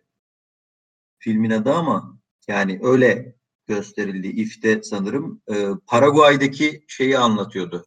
Ee, Al- Agustin Gaubiro diye bir biri var. 1954 ile 89 yıllar arasında Paraguay'da e, 35 yıllık bir diktatörlük rejimi var. E, Stroessner rejimi, Stroessner rejimi. E, bu dediğim kara- figür de onun o e, şeydeki o yıl o diktatörlük rejiminin en büyük muhaliflerinden biri ve 76 yılında da e, Arjantin'in Parana kentine sürgün ediliyor. Orada da kayboluyor. 35 yıl sonra abi e, adamın kaybolmasından sonra e, çocukları Rogelio, Rolando ve Jasmine, üç çocuğu e, Paraguay'a geri dönüyorlar. Şey pardon, e, sürgünün olduğu yere geri dönüyorlar ve bu noktada hatırlamaya başlıyorlar. Yani hatırlamanın onları kurtarabilecek tek şey olduğunu düşünüyorlar. E, ve şey gibi hatırlama üzerinden, hafıza üzerinden e, Paraguay'ın o dikta rejimini 35 yıllık e, diktatörlüğünü e, böyle bir puzzle parçaları gibi bir yandan da birleştirip bir yandan da babalarının yaşadıklarıyla ülkenin e, yaşadıkları arasında bir bağ kurarak e, böyle toplumsal belleği anlatan bir film. Toplumsal bellek konularına o, sıra, o sıralara ben çok takılmıştım. Hemen hemen aslında bizim e, yine bizim topraklara andırılabilecek hikayeler. Ee, belki bundan bir 30-35 yıl sonra biz de bu 19-20 yıllık e, dönemin böyle hatırlamak üzerinden neler oldu neler bitti üzerinden parçaları birleştirerek çünkü bazen o kadar bu diktatörlük darbe gibi meseleler o kadar insanın üzerinden şey gibi silindir gibi geçiyor ki bazı şeyler unutulabiliyor. Ya kendi ülkemizden sen düşün son 15 yılda yaşanan birçok şeyi biz unuttuk aslında. Ne kadar hatırlamaya Çünkü çalışsak. her gün bir yani her gün sert bir gündemin olduğu ülkede yani abi 18 yıla 1 milyon tane olay sığdırırsan tabii ki de birçoğunu unutursun ya. Aynen öyle abi. İşte bu orada da düşün 35 yıllık bir diktatörlükten bahsediyoruz. Neler yaşanmış, neler unutulmuş ve e, babalarını kaybeden re, e, diktatörlük rejiminin ortadan kaldırdığı babalarını hatırlamaya çalışırken bir yandan da Paraguay'ı hatırlayan e, Güney Amerika ülkelerinde diktatörlük rejimleri zamanda uzun yıllar boyunca vardı. Hatta bazılarında hala yine var. E, Brezilya'yı görece şu an diktatörlük diyebiliriz. Çok saçma sapan bir var başlarında. Güney Amerika topraklarında bu tarz konular çok önemli zaten. E, buna dair, bu meselelere dair ilgisi olanların da yönetmeni de Paz Enchina olmasına. Evet Paz Enchina e, hatırla hatırlama egzersizleri. Ama orijinali neydi? Hemen hızlıca bakayım. Orijinalinde söylememiş olmayayım yani. Abi orijinali şu an karşımda çok söylenmesi çok zor. Evet yani belki söyleyemeyeceğimiz e, bir e, şey film yazarız ama altına. Ben de e, bu tarz meselelere ilgisi olanları Paraguay'ın yakın tarihini anlatan bu filmi önermiş olayım. Abi çok güzel bir konuya değindin aslında. Toplumsal bellek gerçekten özellikle yani diktatör rejimlerinde dediğimiz gibi her gün bir e, sert gündemin içinde yaşadığımız ülkede o kadar fazla şey yaşanıyor ki birçok şey maalesef unutuluyor. Yani bence bu unutmaktan da utanmamak gerekiyormuş gibi geliyor bana. Hatırlatılması, birbirimizi hatırlat hatırlatmanın çok daha yerinde olduğunu düşünüyorum. Aynen Abi öyle. 35 Katılıyorum. yıllık dikta rejimi dedin değil mi? Tabii. Az Abi, değil a- yani. Allah göstermesin diyorum ve geçiyorum. Son benim bir tane kaldı. Detaylı anlatacağım. Birkaç tane de isim söylerim bu arada. Sen ne Tamam. durumdasın? Of bende bayağı var ama ben ba- bir ilk tanesinden bahsederim. Geri kalanın ismini söylerim. Ha, Yani çünkü şeyde e, bir e, dinleyicilerimiz de arkadaşlar da Evet, evet. Biraz da bir 5-10 dakikada onların üzerine konuşalım. Tabii, tabii. Sen yine anlat bu arada istediğin kadar canım. Ben şey Yok düşünüyorum. lan. Yani şey e, bayağı çünkü film önerisi de gelmiş. Onlardan da bahsetmek gerekir. Sen de ha bende değil mi sıra? Sen söyle ben söyleyeyim. Sen söyle sonra hızlıca birkaç film sayıp şeylere geçelim. Tamamdır. Ee, Pazarlığa bak nasıl pazarlık ama. inanılmaz ya. Vallahi ko- şey ya kurban pazarlığı gibi yaptık ha. Esnaf gibiyim şerefsiz. Ee, ben Kinatay izlemiş Bir miydim şey bilmiyorum. soracağım. Sen şeyi e, önermeyeceğim mi ya? Övüp durdunuz. Ben hala izleyemedim bu yıl Twitter'da. Bu e, Hint filmi miydi? İneğin peşinde. Abi şey Ali Ercivan'ın önermesiyle ortaya çıkan Aynen. Jallikattu. Onu söylemeyeceğim mi bu Abi notlarını almadın? söyleyeyim. Notlarımı almamıştım. Ee, çünkü şey böyle hani e, Ali Ercivan sağ olsun onu böyle tozlu raflardan çıkardı önümüze koydu. Hepimiz izleyip bayıldık. Letterboxd'da bayağı insanın izlediğini gördükten sonra al, o yüzden almadım aslında. Hani Ya boş okey ver. Letterboxd'a sen ne bakıyorsun Letterbox? yani biz dinleyen bir sürü Letterbox kullanmayan dinleyicimiz var. Çünkü ben hala izleyemedim merak ediyorum. Bayağı övüyorsunuz. Bence bir ufaktan onu anlat ya. Abi, Araya girmiş Okey gireyim. Abi öncelikle şöyle söyleyeyim. eee, kafadan hani Uncut Gems'i izlerken ne yaşadıysanız onu 5 ile çarpın. Bu filmi Oho, izledikten sonraki hali. C- çok ciddiyim abi. Eee, o yüzden hani eee, bu filme uygun bir ruh halinde girin. Çünkü Gems'i bi- biz de konuştuk. Hani film baş ağrısına sebep oluyor. Allah'ım bu, bu migren direkt. Sebebi şu. Abi böyle Hindistan'ın e, şu an adını hatırlamadığım bir böyle bir kasabasında geçiyor. Orada da böyle şey abi işte hayvancılık daha böyle ön planda tamam işte danalar kesiliyor bilmem ne bir halka dağıtılıyor ediliyor falan. Bir tane de zenginin o kasabanın zenginin düğünü var. Bu düğün içinde böyle bir tane şey kesilecek abi. İşte boğa diyeyim ben sana. İnek pardon. Abi tam inek kesilecekken inek bir kaçıyor abi. Ee, tabii bu arada olay sadece ineğin, ineğin kaçması ve bütün kasaba halkının onun peşinden düşmesi değil. Bir taraftan filmde kasaba halkının yani böyle close up da yapıyor şey yönetmen. Hani onların hikayelerine, onların hayatlarına da değinmeye başlıyor. Abi ekonomik e, nasıl diyeyim sana sınıflar arası çatışma mı dersin? Ondan sonra kendi yani karakterler arası evet sosyal statü olarak kendini kanıtlamaya çalışma mı dersin? Bu çerçevelerde Abi film bir başlıyor. E, ilk başta bir iki kişinin ineğin peşinden koşması, ardından ineğin yakalanmamasından dolayı Bütün kasabanın abi abartmıyorum yani nasıl çektin diyorum o sahneleri ya İnan, inanamadım yani izlerken. Çünkü bir yerde şey vardı ya hatırlarsın Gandhi filmi vardı yanlış hatırlamıyorsam Attenborough. Hani dünyanın en çok e, figüranın kullanıldığı film olarak böyle bir bir rekoru vardır kendisinin. Bilmiyorum bununla yarışır mı bilmiyorum ama cidden abi sıfır CGI 1 milyon kişi bir ineğin peşinden böyle zılgıtlar atarak çığlıklar atarak birbirlerini çiğneyerek falan koşuyorlar. Artık film böyle giderek böyle nabzı e, şey var hani tempoyu giderek artırıyor. O kadar kalabalık, o kadar gürültülü, o kadar şiddetli bir film ki. Şiddetten kastım hani bu gürültü anlamında şiddetli film ki gerçekten baş ağrısı. Ama abi hani obsesyon, bu işte sosyal statü, bu sınıf çatışması bunlar üzerinden yani bir ineğin peşinden koşmak üzerinden bunları eleştirmesi abi muazzam bir deneyim. Bak film demiyorum deneyim. Hı hı. Ama dediğim gibi çok gürültülü, çok in- inanılmaz kalabalık bir film yani. İyiymiş. Tavsiye Tamam ederim ya. abi ya. Diğer Ya tam de- böyle dönem dönemin dönem ya şey eski dönemde işte avcı toplayıcı ya böyle giderek ilkelleşmeye doğru giden bir süreci gösteriyor aslında bu ineğin peşinden koşma serüveninde de. Tersen evrim gibi bir şey ya. Aynen öyle. Biraz bir spoiler vermeyeyim bir taraftan da. Çünkü gerçekten deneyim ve yolculuk veriyor sana. Yani neresini anlatacağımı şaşırdım filmin. Jallikattu ismi. Onu da e, şeyde podcast'in altında ismini paylaşırız. Tamam. Şimdi normal söyleyeceğim filme geç o zaman. Hadi sana kıyak yapmış. Vay. Bir alana bir bedava verdi. Aynen. Abi Legend ben şöyle diyorum. The Legend of Kaspar Hauser. Duydum ama izlemedim. Bu da IF'te gösterilmişti fi zamanında. Legend of Kaspar Hauser'e ben şöyle denk geldim. Kaspar Hauser gerçekten bir e, yanlış hatırlamıyorsam Almanya'da değil mi? Alman miti. Ya şöyle bir mit.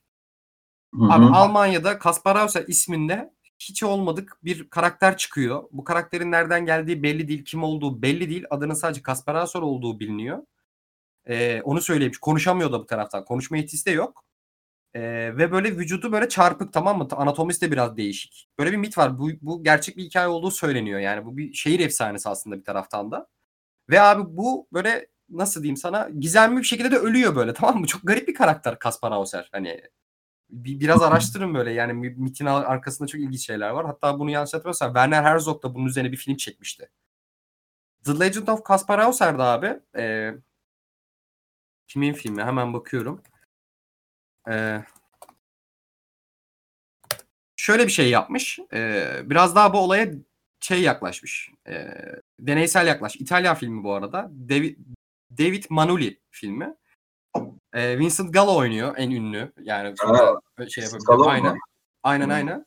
Abi biraz daha böyle nasıl sana masalsı bir şey eklemiş. Yani Kaspar Hauser denizde bulunuyor. Bir adada. Bir adada geçiyor bu arada. Adada böyle monarşi tarafından yönetiyor. Mı böyle? Ama adada dört kişi falan var abi. Öyle diyeyim sana. Düşes falan var böyle. O, o, o yönetiyor diyor. Abi Kaspar Hauser diye birini buluyorlar denizde. Bu arada göğsü, göğsüne yazıyor Kaspar Hauser. Konuşamayan birisi. Böyle mite şöyle güzel şeyler eklenmiş abi. Mesela dedim ya sana anatomik olarak böyle çarpık çırpık bir vücuda sahip diye. Hı hı. Abi bir kadın canlandırıyor Kaspar Hauser ama erkeksi şekilde canlandırıyor. Böyle homoerotik bir durum var. Bir taraftan da bu vücut çarpıklığını da DJ'liğine vurmuş abi. Böyle birden DJ'lik yapıyor böyle garip bir şekilde. Çünkü bu arada medieval dönemde geçiyormuş gibi başlıyor film. Çünkü düşesler, şövalyeler, bilmem. Abi çılgınlık akıl hastalığı gibi film gerçekten. Ama bu mit üzerinden de işte e, bir ada içinde üzerindeki karakterler arasındaki güç dengelerini de anlatıyor bir taraftan. Çok eğlenceli bir film. Yani yeri geldiğinde Vincent Gallo'nun UFO'ya karşı ki afişinde de var UFO'ya karşı dans ettiği bir sahne var abi anladın mı? Hani böyle bir deneysel kafalara takılıyor. Çok acayip bir film. Bunu her yerde öneriyorum. Burada da tekrar adını anayım dedim. Hayır, ben de Legend of Kaspar Hauser. Çok, çok acayip bir film abi. Okey benim diğer bir filmim buydu. Ben de abi e, son olarak detaylı şekilde önereceğim. E, 71 yapımı. Bunu daha önceki podcastlerde de belki önermişimdir. E, Peter Watkins'in belgesel formatında yarı kurmaca çektiği Punishment Park. E, şöyle aslında girişinde film bize konuyu anlatıyor gibi bir şey. Böyle Amerika'da McCarran Kanunu olarak da bilinen 1950 İç Güvenlik Kanunu'nun ikinci maddesinin verdiği yetkiyle Amerika Birleşik Devletleri Başkanı meclisten onay almadan ülke genelinde ayaklanma çıktığına karar verme ve olağanüstü hal ilan etme yetkisine sahip. e, yani yakalanan kişiler kefalet hakkı olmadan ve kanıta bakılmaksızın mahkemeye çıkarılacak ve gerekli görüldüğü takdirde cezaya çarpılıyor. Aslında konu çok basit. Konu bir başta veriyor. Diyor ki e, bu sırada da Amerika Kamboçya'yı e, tam işgal edecek. Üniversite öğrencileri de e, buna karşı çıkıyor. E, savaşa karşı çıkıyor aslında ve Amerikan başkanına olmaz ya şey e, kararı alıyor. E, işte iç güvenlik kanunu çıkarıyor. Diyor ki bundan sonra olağanüstü hali ilan etme yetkisi bendedir. İstediğimi e, istediğim gibi vatan haini ilan edebilirim. Yine çok tanıdık sulardayız aslında. Ya evet tam onu zaten, de, zaten bu yüzden de çok insanın sinirini bozan bir film. Hatta bence ne yazık ki geçmişin, şimdinin ve geleceğin filmi aslında baktığın zaman. Ya bu bahsettiğim şeyi Amerika özeline odaklanarak anlatıyor. 70 yılında pardon 50 dedim Amerika Kamboçya'yı işgal etmek üzere ve işte elindeki kolluk kuvvetlere ekstra olarak 100 bin kişi daha ekliyor. Düşün yani. Bir yandan dünyanın öteki ucunda bir operasyona girişiyor Amerika. Yine her zamanki gibi. Bir de kendi kendine karar alarak içindeki tırnak içindeki tehlikeleri ayıklamanın derdine düşüyor. İçindeki tehlikeler kim? Tırnak içindeki tehlikeler öğrenciler, komünistler yine tabii ki ötekiler. Ee, ve burada çok güzel bir numara yapıyor yönetmen. Buraya kadar her şey şey gibi gidiyor. Ee, evet klasik bir hikayesi var gibi. Şöyle bir karar veriyor. Diyor ki belli suçlarda diyor bu marjinal gençler 15-20 yıl arası ceza alan gençlere bir alternatif sunuyorlar abi. Paniş ceza kampı diye bir yer var. Punishment kamp. Çölde, çölün ortasında diyor ki 4 gün boyunca burada hayatta kalırsanız hapse girmeyeceksiniz diyor. Aslında açlık oyunları gibi bir nevi. Öyle düşün. Ee, ve şey e, polisin de orada yine çok güzel bir numara. Polis sadece belli başlı yerlerde gençlere müdahale edebiliyor. Hani belli bir alandan çıkmaya kalkarlarsa, belli şeyler yaparlarsa. Normalde kurallar bunlar ama tabii ki polis keyfi hareketlerde bulunuyor. Burada çok güzel bir kolluk eleştirisi de devreye giriyor bir yandan da. Ee, o belirlenen alanlar dışında da müdahalede bulunuyor polis. Tam bu noktada abi yine bir daha çıkıyor. İki kurguya ayrılıyor film. Bir yanda mahkemede yargılanan gençler var. Bir yandan da da ceza alıp e, o bu dediğim punishment, punishment park seçeneğini seçip orada hayatta kalmaya çalışan gençler var. İkisini abi böyle paralel olarak anlatıyor kurguyu. Mahkemede abi bir sürü konudan bahsediyor gençler. Ülkedeki azınlık durumu, siyah hakları, sivil itaatsizlik, vicdanları, savaş karşıtlığı, işte kültür sanat erozyonu, medyanın tekelleşmesi yani akla gelebilecek hey, çok tanıdık her şeyden bahsederken diğer yanda da bu, bu sebepler yüzünden ceza almış gençlerin aslında hayatta kalmaya çalışırken tabii ki hayatta kalamadıklarını e, görüyoruz ve hatta gençlerden biri parkta çok güzel açıklıyor abi de şeyi. Derdimiz isyan etmek, özgürleşmek, ana kuralları polisin e, e, şey e, özgürleşmek ama ana kuralları polisin koyduğu bir oyunda hayatta kalmaya çalışıyoruz diyor mesela. Oradan Abi, da özetlemiş ya filmi direkt. Aynen öyle. Ya burada ana fikir şey Amerika yine orta sınıf milliyetçi muhafazakar değerlere aman zarar gelmesin diye abi her zaman gibi komünistleri, öğrencileri e, ötekileştiriyor ve şey e, bir yandan da dünyanın öteki ucunda da bir savaş var. Bu savaşa karşı çıkınca da vatan haini ilan ediyorsun. Çok tanıdık geliyor abi ya. Yani böyle abi, çok çok sinir bozucu bir tanıdıklık var yani. Aynen abi. Zaten filmi sürekli böyle bu işte çift katmanlı kurgusuyla şeyiyle e, o kadar tanıdık geliyor ki, o kadar şey geliyor ki ve abi niye bence bir film bu kadar bu, bu film bu kadar değerli? Ya birincisi şöyle bir şey var abi. 47 yıl önce çekilmiş bu film. Şu an konusu çok şey geliyor. Değil mi? Çok normal geliyor. Ama 47 yıl önce Amerika'da böyle bir film çekebilmek çok acayip bir şey. Hatta yönetmen bu filmden sonra resmen sürgün ediliyor abi. Film gösterime Oha, falan girmiyor. Yasaklanıyor. Aynen öyle abi. Yasaklanıyor. Ee, ve e, anlattığı şeyler aslında çok basit şeyler. Olağanüstü hal, şiddet, polis devleti, işte devletin bekası, klasik, adalet, vicdan. Ama bir yandan da abi 47 yıl önce e, e, yönetmen aslında 47 yıl sonrayı görmüş. Belki bundan 47 yıl sonrayı görmüş. Yani o dönemde bu kadar e, güncel bir şey yapabilmek bence çok kıymetli.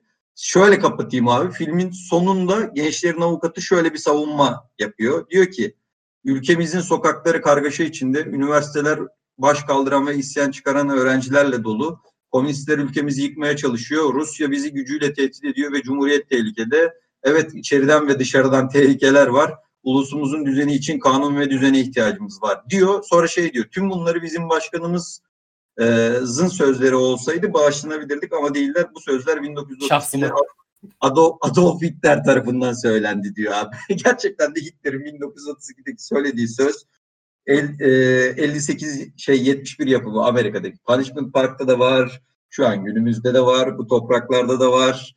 Yani o yüzden benim için çok kıymetli bir film.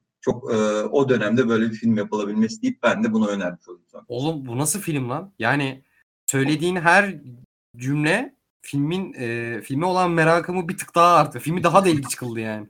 Aynen öyle abi. Abi çok çok iyiymiş ya. Müthiş öneri.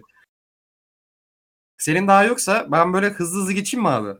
Yok ben de bir tek iki şey önereyim. Sen de yine festivalde izlemişsindir büyük ihtimalle. İstanbul Aha. Film Festivali'de o Ornitologo vardı. Ee, onu önereyim. Bir de Lemonade, Lemonade Joe var. Bu da Çek filmidir. Eski bir film. Ee, Western soslu böyle müzikal gibi. Ee, o da çok değişiktir. Bu ikisini de önermiş olayım. İsim güzelmiş. Lemonade Joe. Ben şöyle hızlı gireyim abi. Ben de çünkü böyle dört tane falan kaldı. Az önce adını söyledim ama sonra e, The Legend of Kaspar Hauser'ı anlattım ama Kinatay. Kinatay e, Mendoza. Hı hı. Yönetmenin aha, adını unuttum aniden. Heh, Br- Brilliant Mendoza. Filipinli bir yönetmen. Bu film radarıma şöyle e, girmişti. Fi zamanında Nuri Bilge Ceylan hangi filmini hatırlamıyorum. Bir filmiyle beraber yarışıyordu bu film. 2019 2009 yapımı. Ve e, Nuri Bilge Ceylan bir röportajında Kinatay'ın çok güçlü bir film olduğunu söylemişti. Aa okey izleyeyim ya nasıl bir filmmiş acaba dedim. Böyle bir ruh hastası film ben hiç beklemiyordum Nuri Bilge Ceylan'dan öneri olarak. Yani e, bu arada ben de bunu burada öneri olarak söylüyorum ama ciddi anlamda şunu söylemek istiyorum dinleyen arkadaşlara. Arkadaşlar film yani e, izlemesi çok zor. Hani nasıl diyeyim? Bazı şeylere karşı hassasiyetiniz varsa gerçekten izlemeyin. Hani şöyle bir şey yapmış abi. Hani genç bir çocuk evlenmek için para para para lazım adama e, ve bir iş yapmak istiyor. İçlerinde polislerin de olduğu böyle hafif çetevari bir grup çocuğa bir iş veriyor abi. Bu işte işte bir kadın cinayeti diyeyim sana ama onu o kadar gerçekçi, o kadar sinir bozucu gösteriyor ki filmi izlerken tırnak kalmamıştı elimde yani yemekten. Öyle diyeyim. ee, hani bazı sahnelere karşı hassasiyetiniz varsa önermeyebilirim ama çok güçlü bir film. Özellikle yani hem bu dediğim eleştirel tarafı bir yana bunu göstermedeki cesareti ve o gerçekçiliği falan yani izleyen için zor bir deneyim aslında. Bunu geçeyim. Ondan sonra Soderbergh. Soderbergh hep böyle bazen podcastlerde acayip çok acayip bir yönetmen falan diye söylüyorum. Bu adamın en acayip filmi olan sağda solda bir milyon kere söyleyip burada da bir kere daha altını çiziyorum. Şizopolis diye bir filmi var bu abinin. Hı. Kafadan şöyle bir acayip bir film. Bu filmi e, Soderbergh yapmadı olarak geçiyor. Çünkü filmin bir jeneriği yok. Filmde sadece Soderbergh filmi sunuyor abi. Ama aslında IMDb'de orada burada filmin yönetimini Soderbergh diye geçiyor. Çünkü Soderbergh filmi bir meta olarak yapmış abi. Şu anlamda meta çok deneysel sularda yüzmüş. İşte Soderbergh 3 karakter canlandırıyor. Bunlardan bir tanesi Japonca dublajla konuşuyor. Bir tanesi İtalyan dublaj konuşuyor.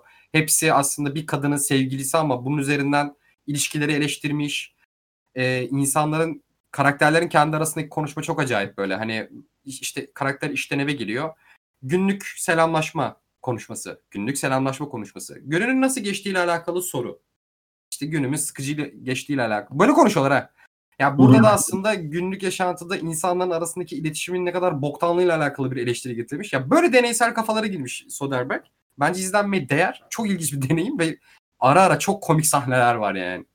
Ve Soderbergh'i de yönetmen koltuğundan çıkıp ki hani yani ne kadar bunun yönetmediği söylense de oyuncu olarak da çok ilginç performans göstermiş. Geçiyorum. Benim şahsi bir e, fetişim olan bir insana geçeceğim. Takashi Miike. Takashi Miike sinemanın ya uzak doğunun eğlenceli insanıdır bence. Bu adamın ama çok acayip bir film var abi. Yakuza Apokalips diye. Ya ben hayatımda bu kadar e, ruh hastası bir film izlemedim diyebilirim. E, abi şöyle diyeyim bak Yakuzalar var. Yakuzalar arasında vampirler var. Yakuza'dan çıkmış ve Yakuza bunun işte e, Yakuza'dan çıkmış bir karakter üzerine anlatıyor hikayeyi. İşte Yakuza abi çıktığı için bundan intikam alıyor. Bu ondan sonra intikam yemin ediyor falan. Vampire dönüşüyor. Ne oluyor oğlum falan diyorsun. Filmin bir yerinde e, Japonya'da bir mit olarak e, tanrı olarak geçen bir kurbağa kostümlü bir adam geliyor. Herkesi ağzını burnunu dövüyor. Baya kurbağa kostümlü insan abi Yakuza dövüyor falan. Ya film oğlum bir çılgınlık. keyifli falan keyifli bir şeyler izlemek isterseniz zaten Takashi Miike'nin bütün filmlerini öneriyorum ama Yakuza Apocalypse'i ekstra öneriyorum. Bu, yani filmden birçok sahne benim bir süre her yerde kullandığım bir mime dönüştü. Son olarak da Notorious The Notorious Betty Page. Betty Page gerçek bir aslında biyopik bir film bu. Ee, of, ağzım kurudu konuşmaktan. 1950'lerde yaşamış pin-up model olarak geçiyor. Pin-up modelleri bilirsiniz gerçi Amerika'nın eskilerde seksist bir e, sanat bence. Hani kadınları çünkü fetiş olarak bir fetiş objesi olarak gösteriyor. Bunların arasında Betty Page gerçekten yaşamış bir karakter ve böyle bir model. Ama bu model abi bir yerden sonra e, böyle nasıl diyeyim sana fetiş fotoğraflara dönüşüyor abi. Tamam böyle teklifler geliyor işte kendini bağlamış bir şekilde fotoğraflarını çekiyor ediyor falan ve Amerika Senatosu tarafından incelenmeye başlıyor. Aslında bir nevi bu seks özgürlüğünün Amerika adalet tarafındaki yansımasını gösteriyor film. Bir bu. İkincisi gerçekten öyle mi çok araştırmadım ama Betty Page e, film boyunca çok saf. Yani nasıl diyeyim sana? Kadına işte e, soyun fotoğraf çekelim diyorlar abi. Kadın bunu sanat olarak görüyor ama bunu yapmak isteyen insanlar aslında bunu suistimal ediyor. Heh, biraz böyle bir anlatımı var aslında filmin. E, ben filmi çok kuvvetli buldum. E, bir biyopik filmi. Betty Page'i canlandıran da Gretchen Mol çok müthiş bir performans sergiliyor. E, bunu da bir naçizane öneri olarak e, söyleyeyim istedim. Bu da benim sonuncusuydu abi. Hızlı hızlı geçtim. Senin de başka ekleyeceğin bir şey yoksa dinleyicilerden gelenlere girelim. Ne diyorsun? Okey abi. Benim yok. Ağzına sağlık. Oh. Fazla hızlı anlattım ya. Heh. Hmm. Emre Erkose. Erköse de diye tahmin ediyorum. I am a fugitive from China gang. Filmin adı bu. 88 yaşında olmasına rağmen bugün bile izle, izlendiğinde hiçbir şekilde demode durmayan muhteşem bir sinema diline sahip harika bir film demiş. Cesur bir sistem eleştirisi. Doğru söylüyor. Ben izledim 32 yapım bu film. Bayağı eski film ama güzel bir sistem eleştirisidir. Ben izlemedim ama bayağı şey merak ettim. Cesur bir sistem eleştirisi ve bir karakterin ağır şartlar altında var olma çabası üzerine müthiş bir hikaye anlatıyor demiş. Doğru. Güzel. Teşekkürler Emre e, diyoruz. Bu nacizane e, öneriyi ben kenara yazdım. izleyeceğim. Berkay birkaç tane e, film önermiş. Bunların arasında Daha var, Ağır Roman var, Emir Alper'in Abluka var. Siz önermiştiniz demiş hatta. Bir de Bill, Bill Wilder, Bill Wilder'ın Büyük Karnaval filmi var.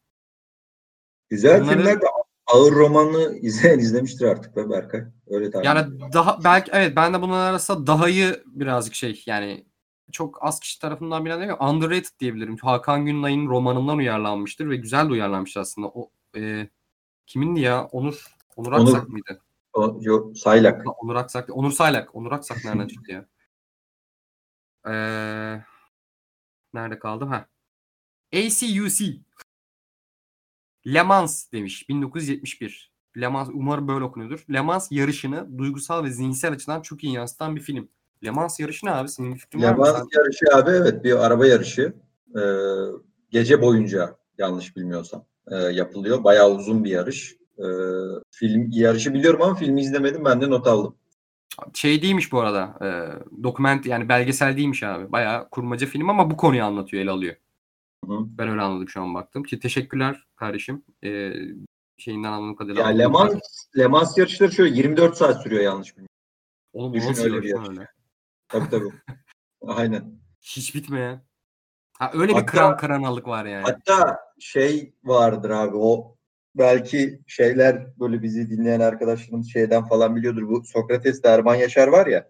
Hı O abi 2-3 yıl önce böyle bu Le Mans, Le Mans yarışını sunarken işte gece artık saat 3-4 falan e, hazır Ramazan da gelmişken böyle tam konular şey geldi. Güllaç tarifi veriyor meşhur böyle. Abi o, o bu mu? Aynen bu yarış o yarış yani. Onu ben o. de biliyordum güllaç tarifi mevzusunu. Aynen abi. Ramazan da geldi. Vallahi güllaç da geldi. Çok mutluyum pide ve güllaça ya. Ramazan'la olan bağım zaten pide ve güllaç üzerine. Dün de gömdüm yarım kilo güllaç vallahi. Abi ben bütün alışverişi internet üzerinden yaptığım için pideye hasretim pide gelmiyor. Yani yok bulamadım. ee, Okey ya bu bayağı ilginçmiş. Ben bilmiyordum. Birazcık spor konusunda e, bilgisiz birisiyim. E, o konuda cahilim, cahilliğim var yani. Ama kenara aldım çok merak ettim. 24 saat süren bir yarış. Okey. Ee, Özak Durmuş kardeşimiz demiş ki biraz korkarak yazıyorum ama benim sevdiğim ve, abi. ve Niye? bunu WhatsApp'tan da yazmıştı değil mi? Ama benim sevdiğim ve görece az bilinen filmler demiş. 10 tane film saymış. Hemen hızlıca sayıyorum. 1. Cashback 2. Fermat's Room 3. Il Postino 4. Zelda 220, 211 5. E, E La Folie Pad, Padeto yani Fransızca bir film. Onun için İngilizcesine bakayım bir taraftan. 6. Uçurtmayı vurmasınlar. 7. Beynel Minel. 8. Anamorph. 9. The Wave. 10. Wind River. Ben bunlar arasından? 9 9'unu falan izledim. Bir tek Anamorph'u bilmiyorum. Ee, Onu izlemedim. Şeyde Özak'ta korkarak yazıyorum demiş ama bence uçurtmayı vurmasınlar ve Beynel Milal bir de Wind River Rich e, bir de Cashback var. Çok da bir ya tabii ki biliniyor ama çok da öyle genel bilinen filmler değil yani. The Wave yanlış hatırlamıyorsam şu Alman filmiydi değil mi? Bak o çok güzel bir filmdi. Evet evet. Şu Eğer şey, ben de ben başka The Wave, başka The Wave diye film yoksa ben de onu biliyorum yani. Ya o filmden bahsediyorsa mükemmel bir film bu arada. Yani okulda faşizm öğretmeni ya şey faşizm öğretmeye çalışıyor okullar. Aslında bir eğitim olarak. Ama böyle öğrencinin giderek gerçek anlamda bir faşiste dönüşmesiyle ilgili çok iyi, çarpıcı bir filmdi. O adını söyleyemediğim Fransızca film de şeymiş bu arada. İzledim ben onu. He Loves Me, He Loves Me Not. İzledin mi abi bunu? İzledim izledim. Oğlum çok acayip bir filmdi bu arada. Şey oynuyor. Hani Adru Tatu oynuyor. Film bildiğin ikiye yani bir film içinde iki film var ve böyle hani bakış açısının bakış farklı bakış açıları anlatan filmler arasındaki en iyi filmlerden bir tanesidir bu arada. Hı, doğru. Hakikaten güzel tavsiye oldu Özak kardeşim. Diğer hepsi de öyle de. Okey. Zelda 211 iz- izledin mi abi? Şimdi Özak da yazmış. İzledim abi. Zelda 211 de önerebiliriz bu arada. Çok güzel bir filmdir. Ee, İspanyol filmi. Bir e, Guardian. Hücre, Hücre Nasıl? 211 diye. Hücre Ha, 211 aynen. diye. Hücre 211 bir gardiyan e, ertesi gün işe başlayacak ama bir gün öncesinden bir şeye bakmaya gidiyor. Çalışacağı yere bakmaya gidiyor hapishaneye ve o sırada hapishanede şey başlıyor. isyan başlıyor. Ve bu e, işe yeni başlayacak gardiyan kardeşimiz de aralarında kalıyor ve hayatta kalmak için mahkum rolü yapmak zorunda deyip geçeyim. Böyle de güzel bir konusu var. Film de güzeldir bu arada yani. Bu hikaye, bu fikrin üzerine de güzel bir olay örgüleri ekliyor. Şey, e, hikaye kuruyor. Fırat Doğan. Fırat kardeşiniz demiş ki Mubi'de Kabil'in Kırlangıçları diye bir film vardı animasyon. Persepolis'in Talibanlısı diyebilirim. Ay ne ağladım ne ağladım. Çağınırmak Prime'ında mı çekmişti bu filmi IMDB'de? 1632 oy verilmiş. Sadece nasıl kaçırmış bu film? Hayret ettim gerçekten demiş. Ben kitabını okudum bunu. Yasmine Aa. Kadra diye bir yazarın Kabil'in Kırlangıçları diye bir yani o kitabı okumuştum. Filmini izlemedim ama ben de bir not aldım. Ama e, çok ağlak bir yerden yaklaşıyorsa birazcık sıkılabilirim gibi geldi ama bakalım izleyeceğim. Çok güzel öneri. Ben Movie'de denk geldim diye hatırlıyorum sanırım buna. Ee, ama abi gerçekten öyle bir dönemdeyiz ki ben artık gerçekten film seçiyorum böyle özellikle. Ki yani bu bölümü yapması şeyimiz de bu. Ama ben aldım kenara not. Bir de animasyonmuş. Beni ekstra şu an dikkatimi çek şey yaptı. Yakaladı. Kerem Gilgin kardeşimiz o da birçok film önermiş. Ee, Mega Cities 1998 yapımı. 96 yapımı Shine. 2018 yapımı An Elephant Sting Still. Bunu izledin mi abi ya? Bu arada. Ben Elephant Bunu izlemedim ben. De, çok denk geldim çok ama izleyemedim. Abi çok yani e, filmin filmden çok kötü bir hikayesi var. Yönetmen film bitmeden intihar ediyor falan böyle. Filmin Aa. yönetmenin ilk filmi ve hani kült ya çok güzel bir film bir taraftan ama hani izleyecek arkadaşlar için e, şeyleri birazcık yaman atabilirsiniz. Çünkü film tamamlanmadan önce yönetmen intihar ettiği için filmi birazcık böyle e, amatör bir kurgusu var.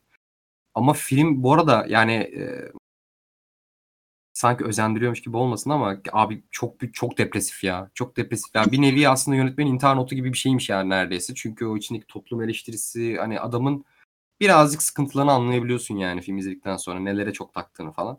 Merak ettim bakalım. Ee, 2012 Good Vibrations demiş. 1971 Throw Away Your Books ne? Books Rally in the Streets. Uzun bir ismi varmış.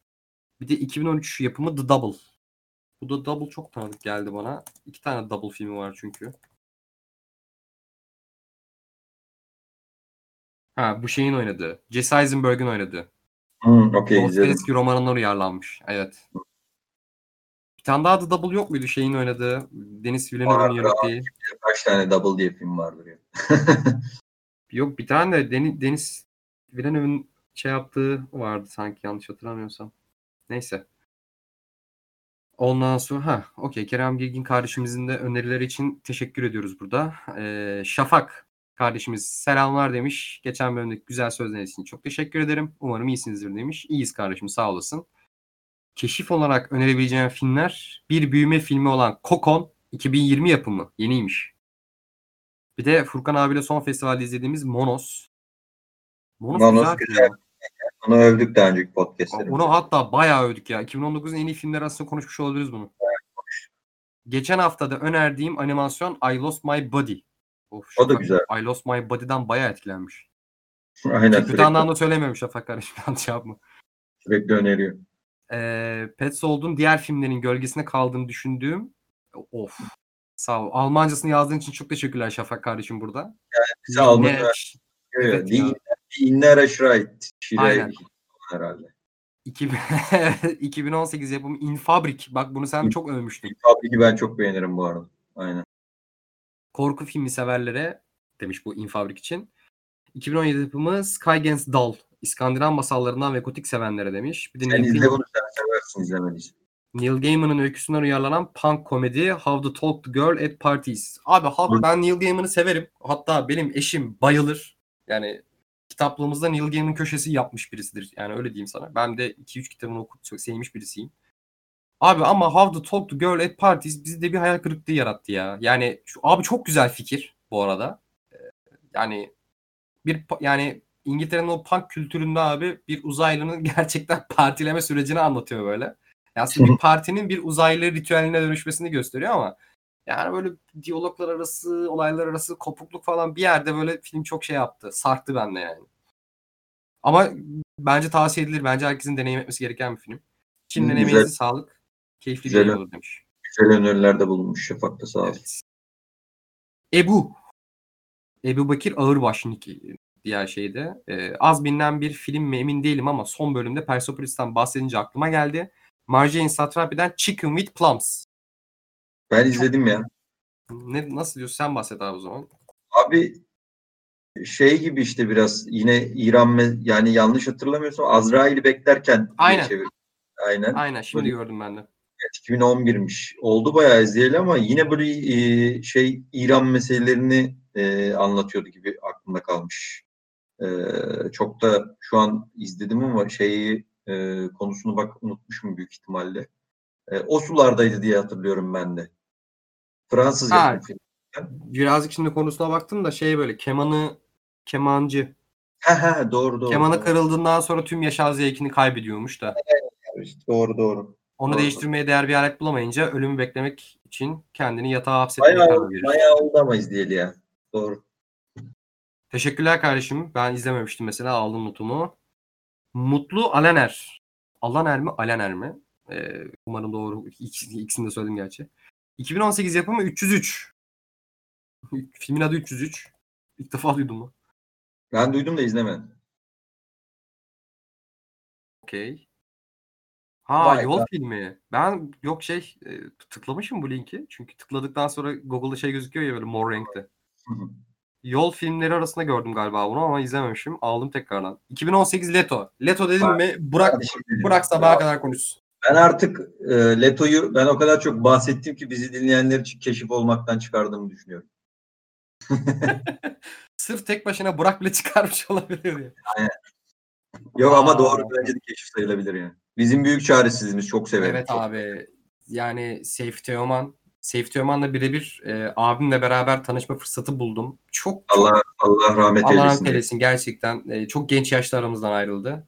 Bir de yine e, Uzay Pare gibi aslında bir motor kazasıyla zaten e, vefat etmişti. Abi çok erken yaşta kaybettiğimiz çok başarılı bir yönetmen aslında. Bu arada romanı da, romanı da muhteşemdir. Barış Evet Bıçak evet. tavsiye ederim yani. Modern Dün- Türk Edebiyatı'nın en iyi romanlarından biri bence zaten. Film de çok güzel bir film ama ya. Uyarlama olarak. Olmaz bir uyarlama bence. Evet buradan da e, şeye de e, Seyfi Teoman'a rahmet okuduk. Bu arada çok çok beyefendi bir insandı ya. Hep öyle hatırlıyorum. Böyle heyecanlı, sinema konusu heyecanlı. Böyle hani birçok ben yani kaç tane Denk gelmedim ben ama çok duydum hikayelerini. Senden de duydum. Başka arkadaşlardan da. Çok dediğin gibi çok efendi bir kişiliğe sahip, çok aklı başında bir insanmış. Çok yazık olmuş. Tekrardan Allah rahmet eylesin. Böyle bir iki tane, e, bir iki tane değil de yani aynı ortamda çok fazla hani yönetmen konuk da aldık hatta bile Emre Yaksan'ı da biliyorsun. Hani şimdi Emre Yaksan da çok iyi bir insan. Hani çok severim. Hatta e, hiç beklemiyordum. Sağ olsun şeyde babamın vefatından sonra falan aradı ben konuştu benimle yani. Öyle de bir insan. Ki Twitter'da takip ediyorum konuşmalar olsun falan. Çok mütevazi bir karakter. Seyfi Teoman da öyle abi. Ha, şey, şey diyecektim. Aslında sektörde böyle yönetmen olduktan sonra bir egosantrik tribe giren çok insan var. Hani e, Seyfi Teoman bunlardan biri değildi abi ya. Hani çok iyi filmler çekmiş olmasına rağmen yani ikinci filmdi gerçi e, büyük, bizim büyük çaresizliğimiz ama abi böyle heyecanlı, saygılı, mütevazi çok çok tatlı bir insandı yani. Abim bu arada ondan sinema eğitimi görüyordu da ben de o aracılığıyla tanışmıştım. T işte Boğaziçi'nde Mithat Alan'da. Boğaziçi'ye daha kayyum atanmadığı güzel dönemlerdi. Neyse buradan da şey rahmet okuduk arkasında. E, Mutlu Alaner kardeşimiz de yine e, şey gibi Şafak gibi How to Talk to Girls at Parties demiş. İki kişi tarafından önerildi arkadaşlar bu film. Bence izleyin ama. Berkay Küçük kardeşimiz bir sürü film önermiş o da. San Miroslav Mandic'in Sanremo. Ondan sonra James Pot Podhoretz'ten Celtic Lakers Best of Enemies demiş. O ben izlemedim. Filmi geldi. Bakayım ya. Bana, buna bir bakayım. Hatta bayağı spor filmi önermiş galiba. Love and Basketball demiş. Gina Bunu izledim. Whitewood'un filmi. Olsa Morgan Neville'in e, 20 Feet From Stardom. Okey. Lee'nin Hulk çok acayip bir öneri olmuş ya. Berkay gerçekten o kadar Marvel dünyası konuşuldu. Dünya yıkıldı falan ama Hank Lee gibi bir yönetmenin Hulk filmi çekildiği, çektiğini çoğu insan unuttu galiba ya. Hiç konuşulduğunu ben görmedim. Da kaynadı ya o Hulk. Ben çok beğenmem çünkü şu anlamda beğenmem. Hank Lee'nin sineması çünkü bambaşka bir sinemayken adama neden böyle bir Marvel filmi çektirdiler? Öncelikle bu çok mistik bir şey geliyor bana. İkincisi Hank Lee direkt birebir bir çizgi roman estetiğiyle, yani bayağı çizgi roman estetiği yani böyle eski 90'lardaki şey 2000'lerdeki bu Amerikan filmlerinde hani kare kare geçişleri gösterirler ya böyle hani bizim iğrenç Türk dizilerinde jeneriklerde kullanır. Hani e, çizgi romanda kare kare okursun ya. Yani öyle bir geçiş. Abi bu, burada öyle bir estetik kullanmış ama hani ben çok beğenmemiştim. Ama güzel bir öneri yine de en azından Marvel severler yani gözden kaçırdıysa izleyebilir. Chloe Zhao'nun The Rider. Bunu ben de izlemiştim. Nomadland. Bu arada çok iyi, çok tavsiye ederim. Çok ben çok beğenirim Rider'ı. Ee, ama zaten Chloe Zhao bu sene büyük ihtimalle Oscar alacağı için Rider'da zaten göz önüne çıkar. Öyle söyleyeyim. Ünlü film acaba o değil mi? The Rider. Yok başka filmle karıştırıyorum. Ben yok izlemedim bunu ama hani de, tam onu diyordum ben. Nomadland'de şu an çok fazla konuşuyoruz şeyi. E, Chloe Zhao'yu. Ben de izlemek istiyorum bu filmi. Teşekkürler öneriler için. Ha pardon. The Unauthorized 5 Brothers Experience diye bir film o, önermiş. Ona şey demiş. Ben de henüz izlemedim ama e, şans eseri birkaç eleştirisine denk gelince listesine eklemiş. Vizyona girince bunu da bir göz atın diye önermek istedim demiş. Teşekkür ederim. Vizyona girince. Yeni film yani. Ya, ya herhalde bu sene çekilmiş. 2019'muş. Ya yine spor filmiymiş bu arada. Oha Andy Samberg falan oynuyor. Ha güzel. Kardeşim bayağı spor filmi önerdi. Biz şöyle iyi oldu. Ben sana aslında birkaç kere şeyi söylemek istiyordum. Ya spor filmleri de mi konuşsak diyecektim de benim o konuda bilgim yok ama sen orada döktürürsün. Ben de arada sana katılırım diye düşünüyordum. Spor filmleri çünkü konuşmaya değer çok güzel spor filmleri var. Var ama az sayısı az. Çünkü sporu ya evet. film olarak çekmek atıyorum yani mesela bir basketbol filmindeki basketbol sahnelerini falan çekmek çok zor olduğu için ya da futbolda yani sinema estetiğine çok uymuyor aslında. Yani şöyle Moneyball da bir spor film mesela. Öyle filmler çok güzel oluyor ama gerçekten böyle çok o aksiyonu çünkü sporda anlık şeyler çok fazla ya abi onu filme çevirirken biraz doğallığı kaçıyor bence. Evet. Zaten tam böyle teknik olarak da tam uymuyor. Ee, ama iyi filmler var. Konuşuruz yani üzerine. Bir ara aynen. Yapalım yani bence. Hı hı. Son olarak Mete Kaan kardeşimiz Interruption 2015 demiş. Bir de 1988 Gece Yolculuğu demiş. Interruption çok tanıdık geldi yine ama belki Intermission'la karıştırıyorlar. Yo doğru. Yani Interruption. Gece Yolculuğu'nun gerçi orijinal adı ne onu belki izlemişimdir de Gece Yolculuğu deyince. Ona da hemen Bak, bakıyorum. Galiba. Bir taraftan bakarken şeyi anlatayım abi. Evet Türk filmi lan. Ömer, Ömer Kavur filmi. Ha, bunu izlemişimdir büyük ihtimalle de şu an hatırlayamadım ya. Ben yok Ömer Kavur'un bu filmini izlemedim ya. Oha süper öneri. Abi Interruption'dan bahsetmek isterim birazcık. Zaten son sona geldik. Abi bu filmi dinleyen arkadaşlar bu filmi bulursanız lütfen bana da atın. Çünkü ben bunu yanlış hatırlamıyorsam ya IF'te ya da film ekiminde izlemiştim. Abi e, Yorgos Soys yine Yunan yeni dalgası filmi. Oğlum müthiş bir film lan. Hani şöyle müthiş film. Yani e, bir Yunan tragedisini abi bir tiyatro oyununa uyarlıyorlar ama nasıl diyeyim? O tiyatro oyunu bir yerden sonra metaya dönüşüyor. Yani şu anlamda bu bir oyun mu? Yani yoksa gerçekten şu an izleyiciler töhmet altında mı? Bunu veriyor o Yunan yeni dalgasının verdiği tuhaflıklar var falan. İnanılmaz bir filmde. Ama bu filmi şu an malum ortamlarda ben bulamıyorum açıkçası. Hiçbir yerde. Bulan varsa gerçekten bana özenle iletsin. Yani birbirimize public bir şekilde e, korsan linki atmayalım. Lütfen özelden iletin. Öyle sana da tavsiye ederim abi. Çok güzel tavsiye olmuş ya bu. Mete Kaan Teşekkür- kardeşimize teşekkür. Herkese teşekkürler de. Herkese teşekkür ederiz. Çok güzel filmler önermişsiniz. Ee, biz de dediğim gibi kapatır, kapatırken bir iki şey daha önermek istiyorum. Film değil de abi. Hazır keşif öneri demişken. Ya keşif değil ama gözünden kaçanlar illa vardır. İki tane YouTube kanalı önereceğim abi. Şu son Oo. dönemde inanılmaz düştüğüm. Birincisi Kukla Kabere. Senle de Abi ben izliyorum. İnanılmaz sanırım Nazmi soyadını unuttum. Naz, çok özür dilerim dinlerse de. Nazmi diye tiyatrocu bir arkadaşın e, kuklayla e, böyle o e, çocuklara masal anlattı. Çocuk eğitimi üzerine, çocuklara masal anlatma üzerine ama artı 18. E, bir, ya ben abi uzun bir süre kuklanın gerçek olmadığına kendimi inandırmaya çalıştım. İnanılmaz bir kanal. Kukla Kabere çok tavsiye ederim. Müthiş bir mizah bence. Muhteşem bir mizah ve yavaş yavaş bilinme, e, duyulmaya da başladı. Yani inşallah uzun yıllar mesela atıyorum bunun belki bir film versiyonu olur, bir şey olur. Ee, uzun yıllar izleriz inşallah. Çok inanılmaz bir mizahla tanıştık. Çok hoşuma gidiyor.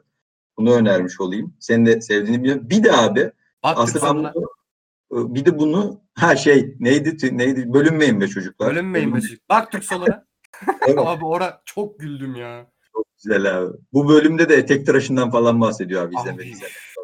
Yani Bir de abi şeyi önereceğim. Aslında ben bunu unutmuşum. Yol filmleri önerirken önerecektim bu kanalı. Yiğitcan, Yiğitcan İç diye bir gezgin var abi. Ee, Hı. YouTube'da. Yiğitcan İç kanalının adı bu.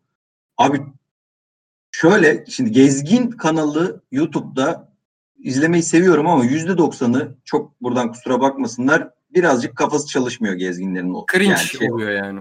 Evet, çok cringe oluyor. Ya, ya çok didaktik oluyor, çok bildiğin şeyleri gösteriyor ya da çok cringe oluyor, komik değiller.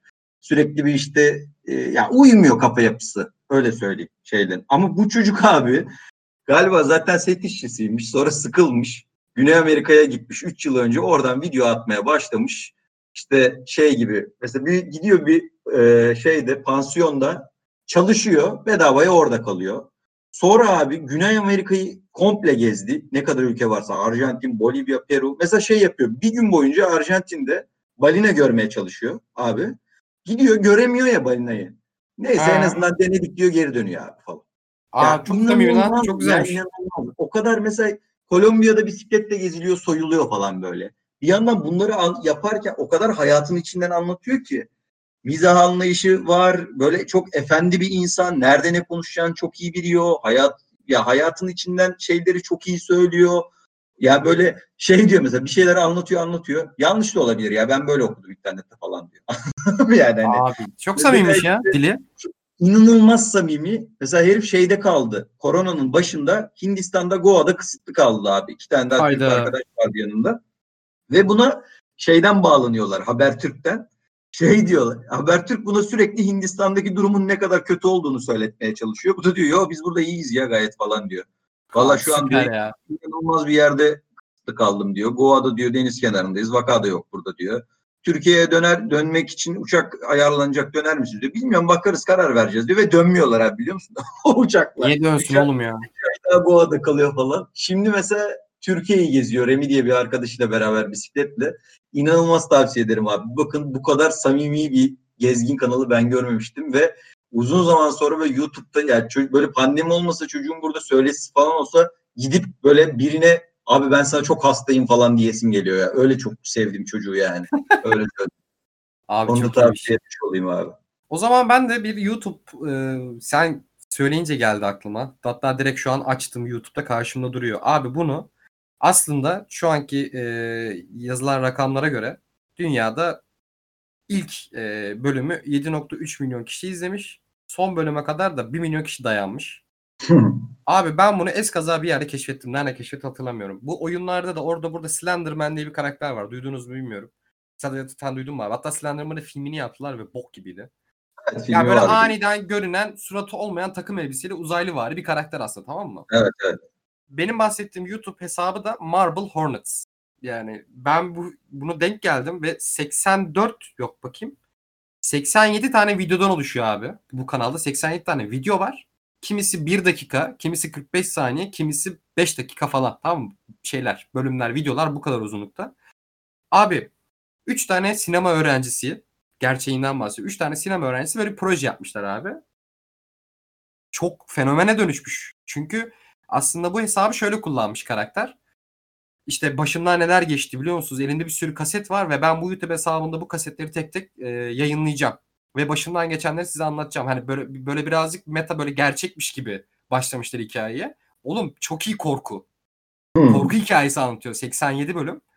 Ve hani Slenderman miti üzerinden anlatıyor. Oğlum çok acayip. Böyle bir de konsept de şey konsepti. Blair Witch gibi. Hani bulundu. Çünkü el kamerasıyla çekilmiş hepsi. Daha gerçekçi olsun diye. Abi çocuklar 20 yaşında 18 yaşında mı ne bu arada? Hani şu an büyük ihtimalle bizim yaşlarımızdalar. 11 yıl önce başlamışlar bu projeye. Abi tavsiye ederim. Korku seviyorsanız eee, yani hepsinde galiba Türkçe altyazı da var. YouTube'da gömülü olarak. Hepsinde değil de en azından böyle bir 50 bölümde şu an görüyorum var. Abi çok acayip bir deneyim. 87 videoluk, 87 bölümlük bir YouTube dizisi. Bakın 11 11 yıl önce yapılmış bu. Tavsiye ederim. Marble Hornets ismi. Büyük ihtimalle şeyde Letterboxd'da ya da bir yerde IMDb'de falan vardı galiba. Oradan ben de senin söylediğin YouTube hesaplarıyla beraber podcast'ın altına paylaşırız. Tamam. Ee, teşekkür ederiz dinlediğiniz için. Kendimizce e, beğendiğimiz keşif niteliğinde olabilecek filmlerden bahsettik. Sizden gelen önerileri de kısa da olsa üzerine konuştuk. Bir de bonus olarak birkaç YouTube kanalı söyledik. Haftaya görüşmek üzere. Keyifli dinlemeler. Evet, e, önerileriniz için herkese tek tek teşekkür ediyoruz. Hani bunlar bize de öneri oldu. Hani Burak'ın birkaç tane söylediği de bana öneri oldu. Hakikaten şuralar ne izleyeceğim diye böyle tek kanepenin başına oturup iki saat bütün filmleri böyle dolaşıp hiç bu izlemeden yattığımı hatırlıyorum. Çok güzel filmler konuştuk bence ya. Hakikaten ağzına sağlık kardeşim. Önce senin, senin ağzına sağlık demek istiyorum. Bir De, e, bir sürü güzel önerilerle katılan arkadaşlara teşekkür etmek istiyorum. Ben de bilmukabele. Herkese iyi dinlemeler diyorum bir taraftan da. O zaman hoşçakalın.